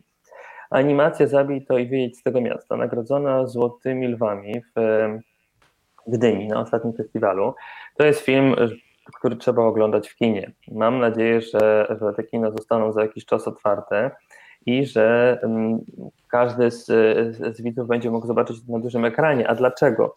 E, dlatego, że to jest przede wszystkim film, pełnometrażowy film animowany, Czyli to się bardzo rzadko zdarza w, w historii mm, szczególnie polskiego kina, taki zrobiony w, w ten sposób, szczególnie nazwijmy to na, na poważnie w cudzysłowie, mm, film narysowany przez wielkiego artystę, bo Mariusz Wilczyński jest, jest artystą od, od wielu lat mm, tworzącym filmy, animacje e, na całym świecie. Miał wystawę w MoMA, Museum of Modern Art w, w Stanach. Mm, a ten film zrobił, robił przez 14 lat. Mm, więc powstał wyjątkowy film, e, nostalgiczny, pełnometrażowa animacja o przemijaniu, rysowany właśnie film kreską, przeniesiony na, na ekran, mm, gdzie Wilczyński bawi się światem, to znaczy bawi się tym światem, który on zna, bo to jest bardzo też autobiograficzny film. Opowiada o Łodzi, o mieście, które on zna z młodości, o takim mieście, które już e, gdzieś e, przeminęło właśnie. To jest ten tytuł Zabij to i z tego miasta. On jakby chce się pozbyć mm, tych wszystkich doświadczeń, które były związane z tym miastem, a jednocześnie mówi, że cały czas to miasto kocha, bo to, to jest to miasto z jego, jego młodości. Mm, nie udało się Mariuszowi Wilczyńskiemu dokończyć niektórych rozmów z bliskimi, z rodzicami. To jest e, nie tylko jemu, ale wielu osobom gdzieś to umyka. Nie udaje się e, tych rozmów dokończyć z rodzicami, na przykład, czy z Tadeuszem Nalepą, który był jego e, wieloletnim przyjacielem, i postanowił, że ten film będzie hołdem, hołdem oddanym najbliższym mm, takim trochę uwolnieniem się od tego tematu, pożegnaniem z jednej strony, z, z, najbliższymi również, ale bardzo uniwersalną też historią, właśnie o tych tematach, o których, o których wspomniałem. Co jest niezwykłą wartością tego filmu, to głosy, które tam się pojawiają. Mariusz Wilczyński przez te wiele lat zbierał głosy, które podłożył swoim narysowanym postaciom, i tam się pojawiają osoby, które już nie żyją niestety. Na przykład jak wielki reżyser Andrzej Wajda, jak Irena Kwiatkowska, jak Gustaw Holubek, Mm, ale jest, też Marek Konrad, jest Maja Ostaszewska, jest Małgorzata Korzuchowska, Ania Rubik tam się pojawia, więc wiele różnych, różnych postaci mm, ze świata kina, ze świata teatru, ze świata kultury, ogólnie rzecz mówiąc, i one są, one są podłożone pod te postaci, to też robi, robi duże, duże wrażenie. Barbara Kraftówna, mm, Krystyna Janda, E, I ten, ten, ten seans e, trzeba przeżyć w kinie, bo to jest e, film, który też jest dosyć ciemny, w takim sensie, że taki mroczny też w swoim klimacie, mm, przynajmniej w części filmu. Tadeusza Nalepy muzyka też się pojawia w filmie, mm, więc to jest taki seans, który daje dużo wrażeń. Dużo też myśli po nim się pojawia, mm, wyobraźnia pracuje bardzo, bo jednak animacja jest tym, e, to, taką formą, która najbardziej chyba wpływa na, na wyobraźnię. To Marcinie, bym chciała, żebyśmy jeszcze dzisiaj trochę porozmawiali o tym, na jakie produkcje czekamy. Ja ostatnio, kilka dni temu wysłałam kolejną recenzję do magazynu filmowego, a pisałam o książce Berbeka, Życie w cieniu Brodpiku. Mhm. E, I e, premiera filmu Brodpik w reżyserii Leszka Dawida przed nami. I bardzo jestem ciekawa, jak ta opowieść w sensie filmowym będzie wyglądać. Znając wrażliwość Leszka Dawida, spodziewam się wszystkiego co najlepsze, bo po biografii Macieja Berbeki, wybitnego himalaisty, zdobywcy pięciu ośmiotysięczników, ratownika górskiego, przewodnika, Myślę sobie, że to może być opowieść oczywiście bardzo górska, osadzona w górach, ale tak naprawdę bardzo uniwersalna, o pasji, o miłości, o takiej pełnej akceptacji człowieka, bo dla mnie w tej książce jest niezwykła relacja pomiędzy nim a jego żoną, e, panią Ewą, którą w filmie będzie grała Maja Ostaszewska i Reneusz Czop w roli Macieja Berbeki. E, ty miałeś okazję rozmawiać z jednym z producentów. Powiedz trochę o kulisach powstawania tego filmu, bo to jest tak naprawdę pierwsza sytuacja, e, kiedy Polacy tworzą film fabularny poświęcony Himalajistom i naprawdę bardzo dbają o realizm oddania tej sytuacji. Gdzie jadą? Tak. Tak, y, to, tylko jeszcze powiem, że, że rozmowa jest na kanale Kino Rozmowa z Dawidem Janickim. To jest jeden z tak. producentów i tam rozmawiamy potem właśnie o tym, tutaj chwilę możemy zajawić tę rozmowę, mm, o tym jak właśnie ten, ten film powstawał, bo to jest bardzo ciekawe. Większość filmów kręconych jest takich dotyczących gór, tych gór wysokich. Tak. E, kręcona jest najczęściej w Europie, mm, w Alpach, Dolomitach włoskich. Tak powstawał na przykład film Mont Everest, e, czy film K2, e, znane bardzo filmy, często pokazywane, mm, takie właśnie filmy o katastrofach górskich. A tutaj e, twórcy postanawiają jechać tam, gdzie to się rzeczywiście zdarzyło, czyli do Karakorum, i e, w bardzo wysokich i trudnych, w bardzo wysokich górach i trudnych tak, warunkach. Oni mówią nawet 5600 metrów, więc to już jest naprawdę e, wysokość, która e, na organizmach, które nie są do tego przyzwyczajone, no robi ogromne wrażenie i to jest nawet czysto fizycznie trudne do wykonania. Mhm. Raz, że sprzęt, te baterie muszą pracować, a dwa, że no już się mogą zacząć też problemy zdrowotne dla wielu osób, które źle się czują po prostu na tej wysokości. I właśnie w, w tej rozmowie mm, staramy się odpowiedzieć na pytania. Właściwie ja się pytam Dawida, e, czy nie miał strachu, czy nie obawiał się przed, przed tą wysokością i taką dużą odpowiedzialnością, jednak jako producent odpowiada za całą ekipę, a jadą z, z aktorami, z, z, z wielką ekipą, ta ekipa i tak była ograniczona, ale potrzebowali tam e, wiele w sumie, wiele osób e, i to cała, cała jest historia tego, całej wędrówki Pakistańczyków, którzy najpierw różnego, różnego rodzaju pozwolenia, później, mm, e, później e, właśnie pomoc Pakistańczyków, którzy im pomagali nieść sprzęt w takich wielkich plastikowych pojemnikach. To było wszystko musiało być przygotowane specjalnie, żeby ten sprzęt nie zamarzł, nie zniszczył się. E, przecież to jest ogromna wysokość, więc oni musieli na część mogli do, dotrzeć helikopterem chyba, czy, czy helikopterem prawdopodobnie, a dopiero później odbywała się wędrówka, długa wędrówka wspinanie się również do bazy i później tylko część z aktorów wychodziła gdzieś wyżej. Oni no musieli, mieli długie szkolenia, bardzo długo się przygotowywali, czy to takie fizyczne, czy też psychiczne. Mm, tam e, właśnie Dawid opowiada o tej różnicy temperatur ogromnej, że nawet 40 stopni e, może być jednego, jednej doby w nocy i w dzień. Więc to niezwykłe było też e, wyzwanie dla aktorów którzy przecież nie mieli takich doświadczeń, a, a, a się na to porwali tak naprawdę. No i wydaje mi się, że ze względu na to warto czekać na ten film, to znaczy na, na te niesamowite sceny, które tam były kręcone. Mm, część z nich powstała też e, dzięki ujęciom z drona. Mm, to wiem, że, że e, Adam Bargiel e, to jest taki znany sportowiec, można powiedzieć, tak. a jego brat również tym, tym się zajmuje, ale zajmuje się obsługą drona i oni go wynajęli do pomocy i dzięki temu na pewno powstały jakieś wspaniałe, wspaniałe ujęcia, tak myślę. Czekam na ten film, dosyć długo mm, jest realizowany, no też miał wiele trudności, jak myślimy sobie o tym, jak to wyglądało i tak mieli ogromne szczęście, że udało mi się zamknąć zdjęcia przed pandemią, bo tak. teraz to wydaje mi się, że to by było już niemożliwe do skończenia.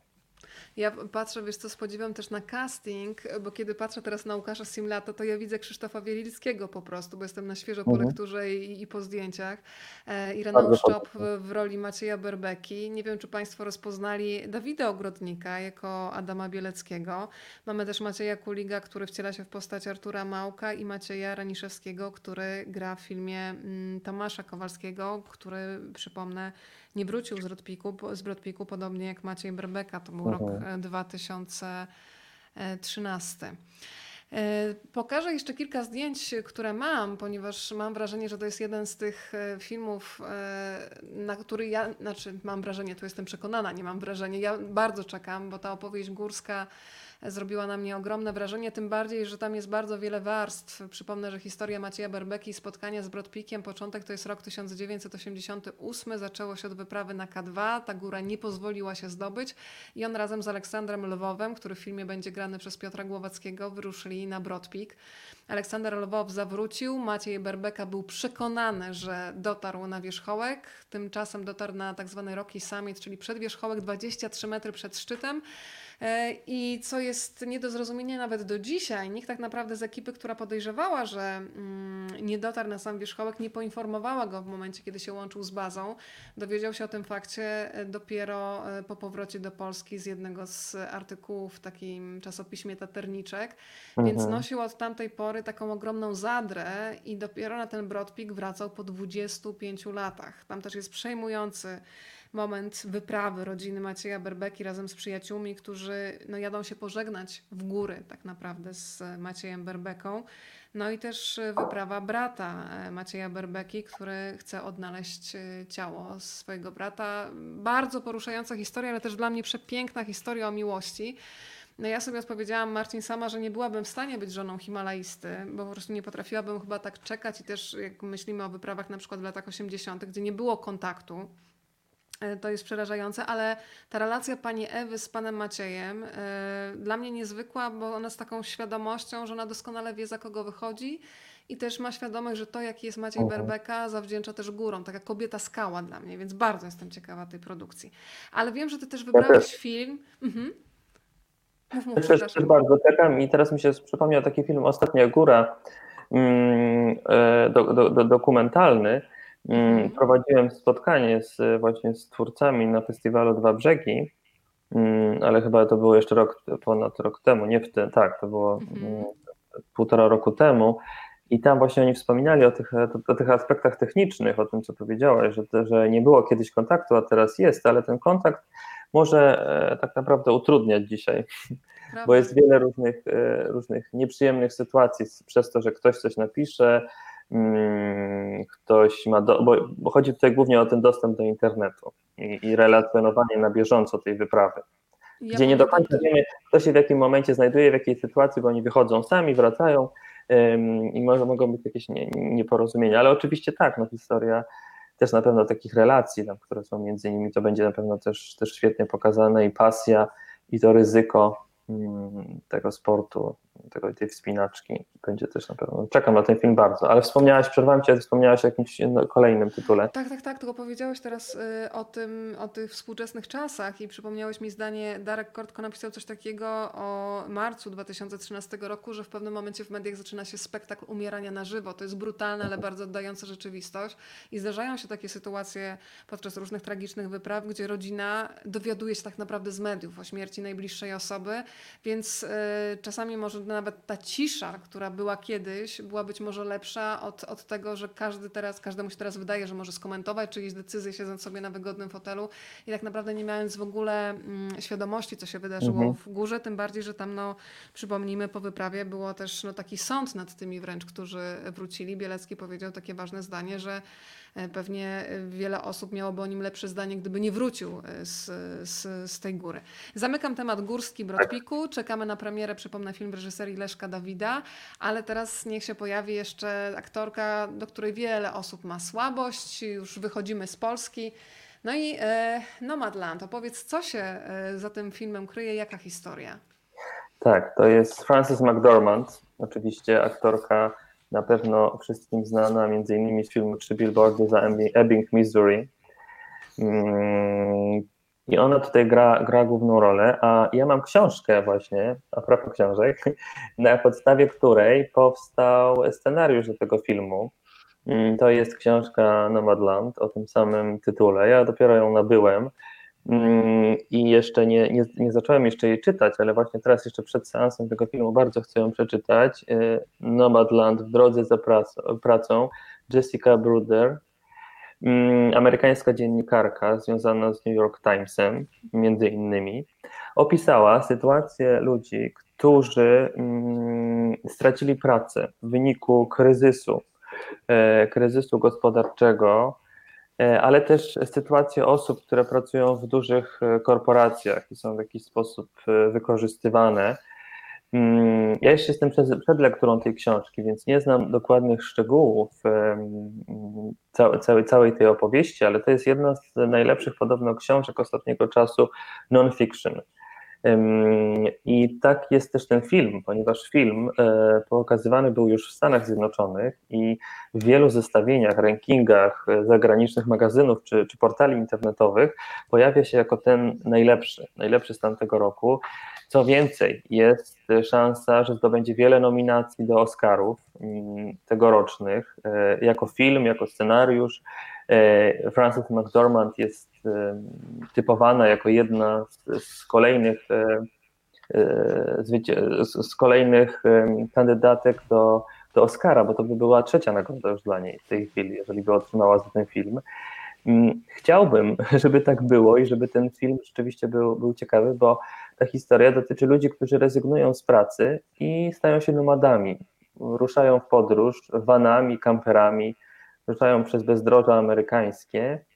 I właśnie do, do, do jakiego momentu nas zaprowadzi, nie wiem, ale też to właśnie jest ciekawe i intrygujące. Myślę, że e, przeczytam książkę, ale ona pewnie będzie różniła się od filmu. Mm, e, Będzie na nim bazowała, ale ale na pewno też pojawią się jakieś pytania. Bardzo ciekaw jestem, jak będzie skonstruowany ten, ten film. Nie czytałem o nim też dużo, mm, czytałem tylko to, te, te, informacje, które, które się, się gdzieś, gdzieś pojawiały.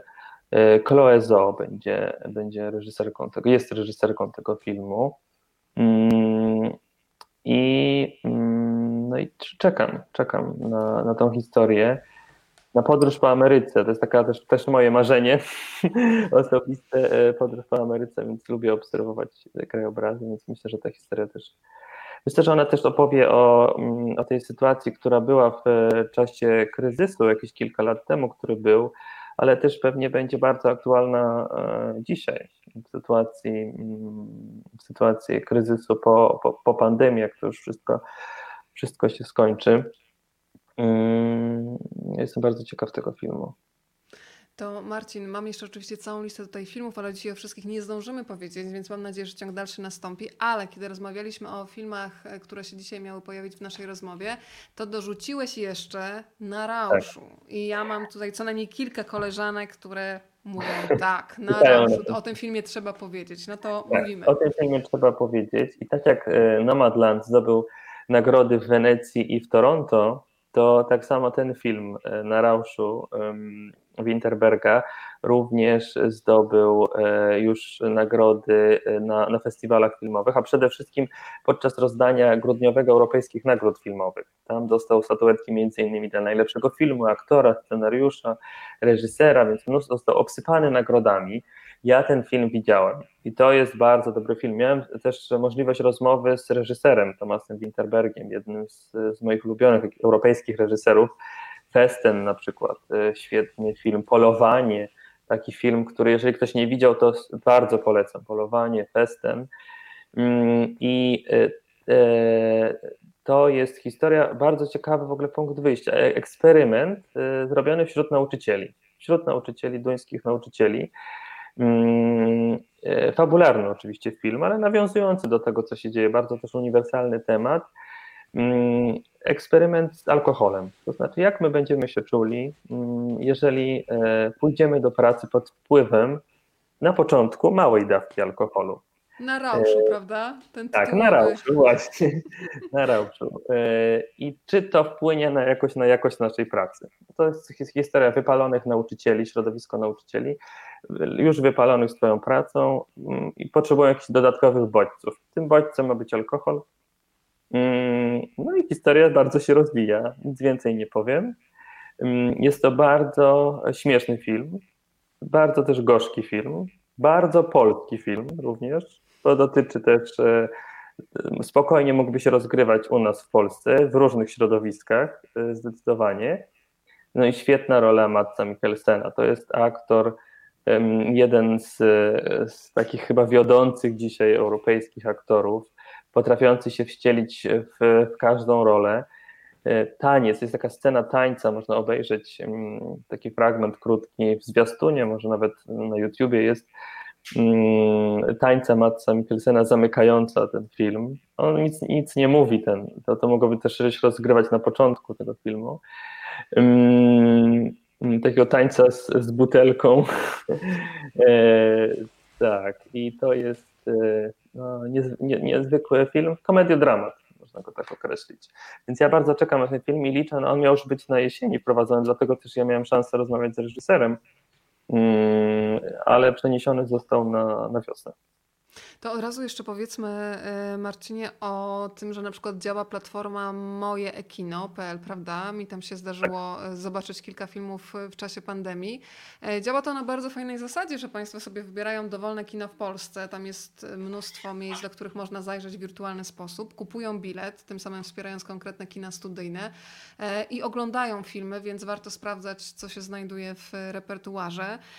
Ale ty też podczas jednego z podsumowań, Marcinie, podsuwałeś też inne, może mniej, na, na pewno nie może, ale mniej popularne serwisy niż Netflix czy HBO. Ja z ogromną radością zarejestrowałam i ten temat jeszcze będę Państwu przybliżać w styczniu, że Gains Gravity Festival ma już teraz swoją platformę VOD, więc filmy dokumentalne, które będzie sobie można, już można oglądać, więc jeżeli ktoś jeszcze nie odkrył, to niech odkrywa. E, ty jeszcze wspominałeś o innych serwisach, z których zdarza Ci się korzystać. To co możemy polecić dla tych, którzy chcieliby mieć dostęp może do kina, nie wiem, bardziej artystycznego, mniej komercyjnego, gdzie szukać? E, tak, e, to właśnie to jest ta, to, to dała pandemia też taką możliwość um, oglądania, właśnie tu pani pisze Dorota, oglądam pod baranami, bo jest też platforma kina pod baranami, gdzie są, czyli krakowskiego kina studyjnego, gdzie są pokazywane też filmy właśnie w sieci. Poza tym jest taka platforma DAF Films, gdzie są filmy dokumentalne zgromadzone E, poza tym są zagraniczne platformy. Nie wszystkie one są dostępne u nas, ale część tak. Kinoskop.org, platforma pokazująca filmy krótkie, krótkometrażowe też, ale również pełnometrażowe. U nas ninateka.pl, mnóstwo znajdziemy tam materiałów e, również e, z, z historii kina, filmów dokumentalnych i tych nowszych produkcji też krótkometrażowych, które często gdzieś giną, właśnie dokumenty, filmy krótkometrażowe, a one są tak samo wartościowe często jak filmy pełnometrażowe. Mm, z zagranicznych to, to takie platformy jak Mubi, mm, Mubi.com, e, tam znajdziemy dużo Criterion Collection, zgromadząca filmy bardziej artystyczne, mm, wyselekcjonowane bardzo, więc jeżeli ktoś szuka filmów właśnie typowo artystycznych, czy bardziej takich po prostu Mm, arthouse'owych, y, to tam na pewno je znajdzie. One są wyselekcjonowane, co trudno bardzo znaleźć na tych dużych platformach, Netflixie czy HBO Go. Tam przeważnie idziemy z polecenia, dlatego ja bardzo staram się, się co jakiś czas polecać filmy, które na tych platformach się znajdują, bo jest ich tam tak dużo, mm, ciężko, ciężko coś e, odnaleźć. Są tutaj też fani z nami Ninateki. Pozdrawiamy Pani Kamilo. E, bardzo często tam zaglądam też przygotowując się do rozmów dotyczących często właśnie klasyki kina. E, to jeszcze Cię zapytam Marcin właśnie o powroty do klasyki w 2020 roku. Ja miałam ogromną frajdę wrócić między innymi do Akademii Pana Kleksa, ponieważ spełniło się moje marzenie i spotkałam się z Panem Piotrem Frączewskim w ramach DKF e, Online. Zresztą pracowałam z fantastyczną ekipą. E, zadzwonili do mnie na godzinę przed wywiadem, jak się czuję. Mówię, że trochę zestresowana, bo jednak spotkanie z panem Kleksem, a oni mówią, że produkują e, piegi. I faktycznie siedzieli z e, dziurkaczem, z naklejkami i kiedy przyszłam, to dostałam też już piegi, które oczywiście pan Kleks miał. Dla mnie było cudowne odkrycie, szczególnie w czasie tych dyskusji które się przetaczały w Polsce, że przecież Akademia Pana Kleksa od początku była tęczowa. E, miałam też okazję do powrotu do filmu Seksmisja Juliusza Machulskiego i rozmowy z Olgierdem Łukaszewiczem. E, I tam nie zapomnę, jak pan Jerzy Sztur, bo oglądałam oczywiście całą masę materiałów e, przed tym spotkaniem, mówił, że kiedyś go zaczepiła jakaś pani z dziewczynką na ulicy. No i mamy oczywiście ten moment, Państwo pamiętają, kiedy no są zahibernowani nasi bohaterowie. Jakieś dziewczynka podeszła i proszę pana, jak zamrażali, to bolało. Więc y, seksmisja też, słuchajcie, oglądana po latach jest przezabawna, ponieważ y, ta futurystyczna rzeczywistość wtedy stworzona no, była bardzo nam współczesna, ponieważ panie w działu archeo i innego, w tych przyłbicach, panowie są na kwarantannie po przejściu, y, mhm. więc y, to wszystko było komiczne. Wróciłam do filmów y, Andrzeja Jakimowskiego, do filmów Andrzeja Barańskiego. Parę osób mały czas bardzo Państwu polecam z Krystyną Jandą między innymi na ekranie. Oglądałam film Tabu z Bernadetą Machą Krzemińską, więc trochę też było takich e, powrotów do klasyków, więc zastanawiam się, do jakich filmów ty miałeś okazję wrócić. Nie tych właśnie nowiutkich, tylko tych, które już trochę mają lat, ale kompletnie się nie starzeją. Mhm. Mm, to ja wracam, mm, może ja powiem o tych światowych, e, trochę takich klasykach, do Amadeusza. To jest jeden z moich ulubionych filmów e, Milosza Formana. Mm, życie Mozarta, ale takie pokazane z post-hipisowskiej, post, post-hipisowskiej popkulturowej perspektywy. Taka swoboda, figlarność e, tego reżysera, śmiałość i też zuchwałość pokazania tej, tej historii mm, konfliktu pomiędzy Mozartem i Salierim, dwoma geniuszami. Mm, to jest komedia, ale jednocześnie też tragedia, jest dużo świetnej muzyki, historia jest opowiedziana z perspektywy Salieriego. Mm, jest film bardzo znany, ale mm, nie wiem, czy tak często do niego wracamy. Myślę, że mogę spokojnie ten film polecić, bo on e, w sumie podejmuje temat, e, który, z którym cały czas się zmagamy, to znaczy jakiejś takiej walki tego, czy, mm, czy, czy warto E, znaczy, po, po, pierwsze, że na pewno warto podążać za swoimi marzeniami, ale czy za wszelką cenę i jak w, w takiej sytuacji konfliktowej się odnaleźć. No, a tutaj jeszcze mamy sytuację dwóch geniuszy muzycznych, więc um, świetny, świetny, świetny film na, na wieczór idealny. Powiedziałeś o Formanie, to na platformie VOD Doc Against Gravity widziałam yy, i podczas festiwalu Dwa Brzegi przecież, który się też odbywał w formule hybrydowej. E, widziałam film e, dokumentalny poświęcony Formanowi. E, fantastycznie się go ogląda, szczególnie ten moment, kiedy Milosz Forman w kąpielówkach, tutaj goła mhm. klata, udziela wywiadu jednemu z dziennikarzy. Festiwalu w Cannes chyba właśnie, to, było, to jest scena, z, tak mi się wydaje, to było podczas festiwalu w Cannes. Mhm. Tak, albo te sceny, kiedy w studiu telewizyjnym panowie z papieroskami debatują e, na różne tematy. No, kompletnie inna rzeczywistość i medialna, i filmowa. E, polecam Państwu z, z całego serca. E, państwo piszą o przepięknym Amadeuszu. Bardzo się cieszę, że, że tutaj ta wrażliwość została połączona, a ja uwielbiam filmy Almodowara i często do nich wracam. Też bardzo lubię, chociaż przyznaję, że miałam dłuższą przerwę. E, słuchaj, pytanie jeszcze do Ciebie od e, Pani Dity. Które platformy, o których wspominałeś, są dostępne w Stanach Zjednoczonych? Bo faktycznie często Polacy, którzy wyjeżdżają za granicę, a chcieliby mieć kontakt z filmami, o których mówimy, no nie wszędzie mogą, nie ze względu na różne rozwiązania tak, prawne, nie ze wszystkiego to mogą jest skorzystać. problem e, tych platform, o których polskich, o których mówiliśmy, bo tak. one często tylko na naszym terytorium, tak samo festiwalowe platformy, ograniczają się do terytorium Polski. Natomiast na pewno Mubi, platforma Mubi, na pewno Kinoskop, mm, Criterion Collection też na pewno jest dostępna. Z tych takich e, mniejszych platform, o których ja wspominałem, bo oczywiście te, te duże to, to są szybciej niż, niż u nas często. Więc na pewno te trzy na pewno będą w Stanach e, Zjednoczonych e, dostępne. A ja chciałem tylko powiedzieć, że tutaj doczytałem o tej książce Nomadland i o tym filmie, że mm, ci bohaterowie nie rezygnują sami z pracy, to jest ważne, ale oni po prostu zostają zwolnieni z pracy. Mhm. Mm, I taka jest ta sytuacja w wyniku tego kryzysu i tych wszystkich historii, więc to chciałem tylko uzupełnić, e, żeby ktoś nie pomyślał sobie, że źle może ja to przedstawiłem, ale jestem przed lekturą książki, przed lekturą filmu, więc zobaczymy, co, co, co z tego wyniknie.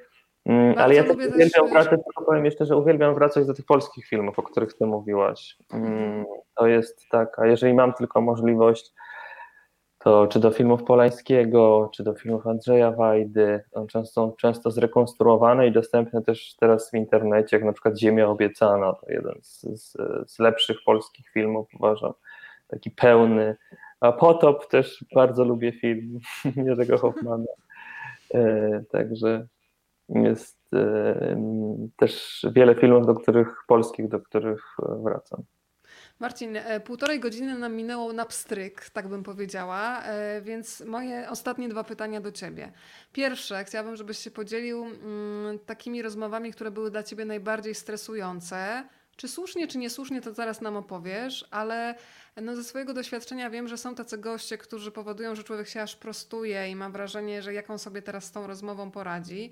Ja podczas pandemii miałam okazję do rozmowy z laureatem Pulitzera, książka Marny. Polecam Państwu swoją drogą, też taka bardzo ciepła. Wspominałam o niej ostatnio.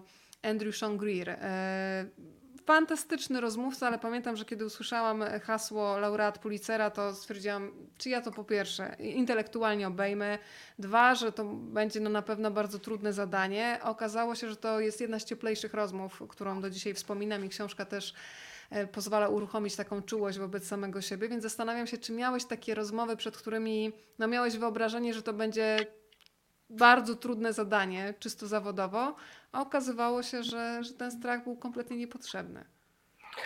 Tak, ja mam taki strach e, przed rozmowami e, z twórcami zagranicznymi, bo mm, często jest mało czasu, one są gdzieś organizowane na festiwalach filmowych, czasem w sieci, ale też mm, nie ma tego komfortu, który, który ja bardzo lubię. E, to znaczy, kiedy mogę z kimś usiąść, porozmawiać dłużej, kiedy rozmowa się rozkręca, kiedy mamy, mamy dużo czasu, a nie 15 czy, czy pół godziny, czy, czy maksymalnie 45 minut, no, przeważnie to jest bardzo krótko, 20 minut do pół godziny.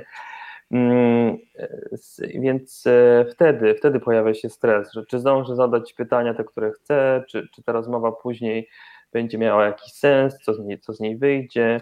Mm, na pewno takimi rozmowami, przed którymi, e, które, na których mi zależało, to rozmowa na przykład z Edwardem Nortonem. Podziemny krąg, między innymi film, którym, którym on zagrał, a teraz wyreżyserował i zagrał Osierocony Brooklyn rok temu e, film. E, świetny aktor, teraz reżyser również.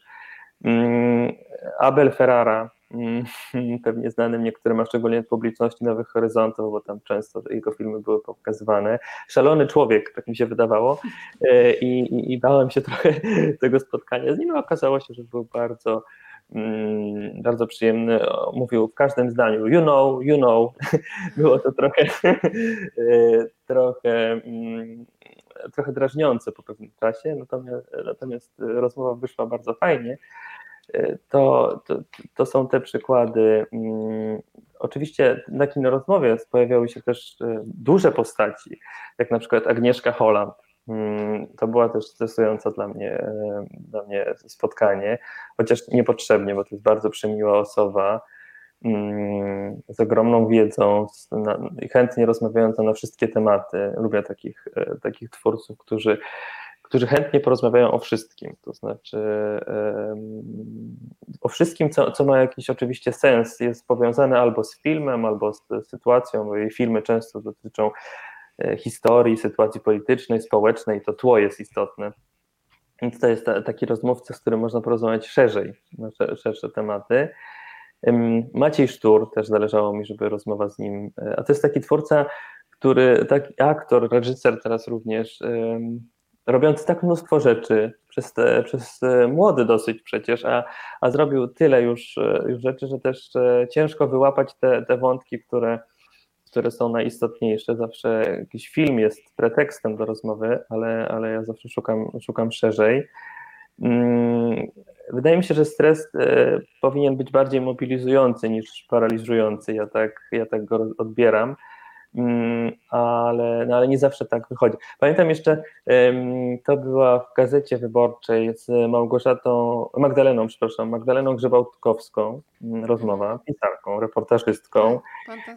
Napisała książkę o Beksińskich przecież. Mm, bardzo przyjemna osoba, ale ja miałem wtedy zadanie porozmawiać z nią o ostatniej rodzinie. To było w związku z filmem o Beksińskim. I chodziło o to, jak ona odbiera ten film nie wiedziałem tego, bo to było na festiwalu w Gdyni, gdzie film został dopiero pokazany. Rozmawialiśmy w tym czasie jeszcze dużo przed premierą filmu w kinie. Mhm. Wtedy i zastanawiałem się, e, co, co mi będzie chciała, czy będzie chciała ze mną w ogóle rozmawiać o tym filmie. Ona się zgodziła na rozmowę, mm, ale nie byłem przekonany, czy na pewno będziemy rozmawiali o filmie, czy nie będziemy rozmawiali więcej o jej książce. Mi zależało właśnie o, rozmowę o filmie. Udało się, um, udało się pogodzić oba tematy i była to bardzo, bardzo przyjemna rozmowa, która odbyła się w kawiarni w Gdyni, bo, bo tam w Trójmieście mieszka Magdalena Grzebałkowska. Um, więc przeważnie te, okazuje się, że, że te, ci rozmówcy są um, są mili i pozytywnie nastawieni. Oczywiście czasem pojawia się moment zmęczenia. Jeżeli oni udzielają kilku wywiadów, takich e, na festiwalach na przykład, czy przy okazji jakichś wydarzeń prasowych, to wtedy kolejne wywiady mm, no, są, są dla nich już sytuacją męczącą i nie zawsze pełni są energii, więc to jakoś też może być różna, ale to już, to już nie ode mnie zależy. Czy ja mogę ich jakoś nakręcić oczywiście? Słuchaj, to przypomniałeś mi, jeżeli mówiłeś o festiwalach filmowych. Ja przyznaję, że nie za bardzo lubiłam właśnie rozmowy festiwalowe, bo miałam takie wrażenie właśnie biegania od jednego rozmówcy do drugiego bez takiego mm, momentu zatrzymania i skupienia. I pamiętam rozmowę, y, którą bardzo ciepło wspominam z Tomaszem Kotem. E, ale która zaczęła się od tego, że pamiętam wówczas mój producent wymyślił, że my będziemy na tych schodach festiwalowych rozmawiać. Więc wyobraź sobie, to byli wtedy bogowie. Przychodzi Tomasz Kot, wszyscy paparazzi, więc on po prostu miał tylko takie w oczach, nie, dlaczego tutaj, ja tylko to nie mój pomysł. Ale pamiętam moment, kiedy usiedliśmy obok siebie i tutaj też wielki ukłon w stronę operatorów, to były wtedy aktualności mm, filmowe którzy stworzyli tak wąskie kadry, że kiedy się to później oglądało w telewizji, to miałeś wrażenie kameralnej rozmowy. E, a Tomek Kot, y, w ogóle ukłony za aktorstwo i za, za, za bycie człowiekiem fantastycznym, co tutaj dużo mówić. Fantastyczny człowiek, miałem Prawda? okazję z nim rozmawiać i to nawet nie tak dawno. Mm, mieliśmy półtorej godziny rozmowę, która e, była nie tylko o aktorstwie, ale również o malarstwie, o jego rodzinie i jak, jak w ogóle spędzają czas w pandemii. Cudowny człowiek, zgadzam się z Tobą i fantastyczny aktor też. E, pokazał, że potrafi stworzyć e, rolę w filmu właśnie w Bogach, czy, czy o Ryszardzie Ridlu, czy, czy w Zimnej Wojnie Pawła Pawlikowskiego. Teraz Perfect Enemy e, będzie grał w takim filmie zagranicznym, e, e, hiszpańskim filmie. Rozpoczyna powoli karierę też za granicą. Niedługo pojawi się ten film też chyba w tym roku.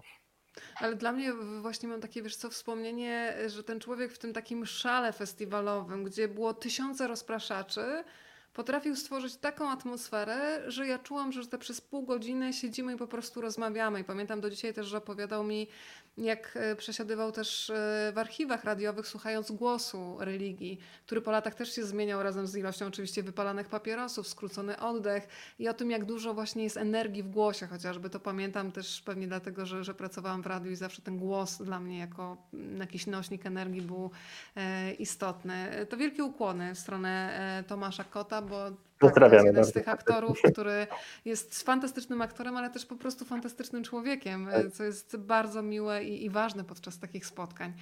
E, to słuchaj, a jeżeli chodzi o gust filmowy, Marcin, na koniec, E, To czyich recenzji, e, czyich opinii lubisz słuchać? Niekoniecznie się musisz zgadzać, ale chodzi mi o rodzaj jakiejś takiej wrażliwości i, i myślę o takim sposobie pisania o filmach. Bo niby jest e, szerokie grono recenzentów, ale każdy ma pewnie, gdzieś jest mu bliżej, czasami jest bardzo daleki od, od, od sposobu opowiadania o filmach. Więc nie pytam cię, nie stawiam cię w trudnej sytuacji, czyje dziennikarstwo jest ci nie po drodze, ale to, które jest ci bliskie w tym świecie Tak, filmowym. myślę, że to jest jedna osoba, która niestety już teraz coraz mniej pisze. To jest Tadeusz Sobolewski, Mhm. który e, pisał e, kiedyś w kinie przez wiele lat, przez wiele lat ostatnich w Gazecie Wyborczej. Nadal jeszcze tam się pojawiają jego teksty. I mm, to jest, e, to jest osoba, to jest e, dziennikarz, krytyk filmowy, na którego recenzjach się wychowałem, na któ- którego recenzje czytałem, mm, które wzbudzają, które dla mnie są e, literaturą. Mm, To są recenzje czy teksty krytyczne, ale to są też teksty filozoficzne, polityczne, społeczne, właśnie przesiąknięte mocno literaturą, tym, co Tadeusz Sobolewski czyta i jak to wpływa na jego mm, postrzeganie w ogóle świata. Mm, Bardzo ciekawy również człowiek. Miałem okazję z nim, z nim rozmawiać, prowadzić z nim rozmowę. Napisał dziennik jakiś, jakiś czas temu. Mm, I e, wtedy pod e, tą rozmowę nazwałem Kino prowadzi mnie przez świat. Tak powiedział Tadeusz Sobolewski. Ja pomyślałem sobie, hmm, jakie to fajne zdanie, e, jak ono pasuje też do mnie, e, jak ja się z tym zgadzam, że kino może, może właśnie prowadzić przez świat. Mm, I mm, jakaś jest taka, taka wrażliwość w tych, w tych tekstach, takie mm, zawsze skupienie, dokładność. No jest to, to są teksty intelektualisty, pasjonata kina, który, który z wielkim szacunkiem podchodzi do, do obrazu filmowego. Mm, Pamiętam, on przywołał wtedy amatora Krzysztofa Kieślowskiego podczas tej rozmowy i bohatera Filipa Mosza, który, który właśnie odwraca kamerę mm, i patrzy na siebie. I on też tak patrzy na, na filmy, tak, e, tak postrzega filmy, że ktoś odwraca kamerę w którąś stronę. Nie musi być to mm, spojrzenie na twórcę, to może być odwrócenie kamery na jakiś problem, na jakieś zjawisko i, i chce je przedstawić, dlatego też on zawsze filmy sytuuje gdzieś szerzej. Szuka kontekstów, refleksji, odwołania do dzisiejszej rzeczywistości, do dzisiejszego świata. I to jest e, też dla mnie ważne. Ja też to staram się robić. Nie zawsze mi się to udaje, oczywiście nigdy tak świetnie jak jemu, ale, ale to jest jakaś taka lekcja i nauka, którą od niego wziąłem dla siebie i, i staram się w, w ten sposób zawsze podążać, żeby ten film był gdzieś usytuowany w życiu, bo mm, no, o to też chodzi w kinie. Przecież to, tak jak mówiliśmy, że to jest w jakiś sposób rozmowa. Film jest rozmową mm, reżysera, bohaterów, e, tego, co widzimy na ekranie z nami.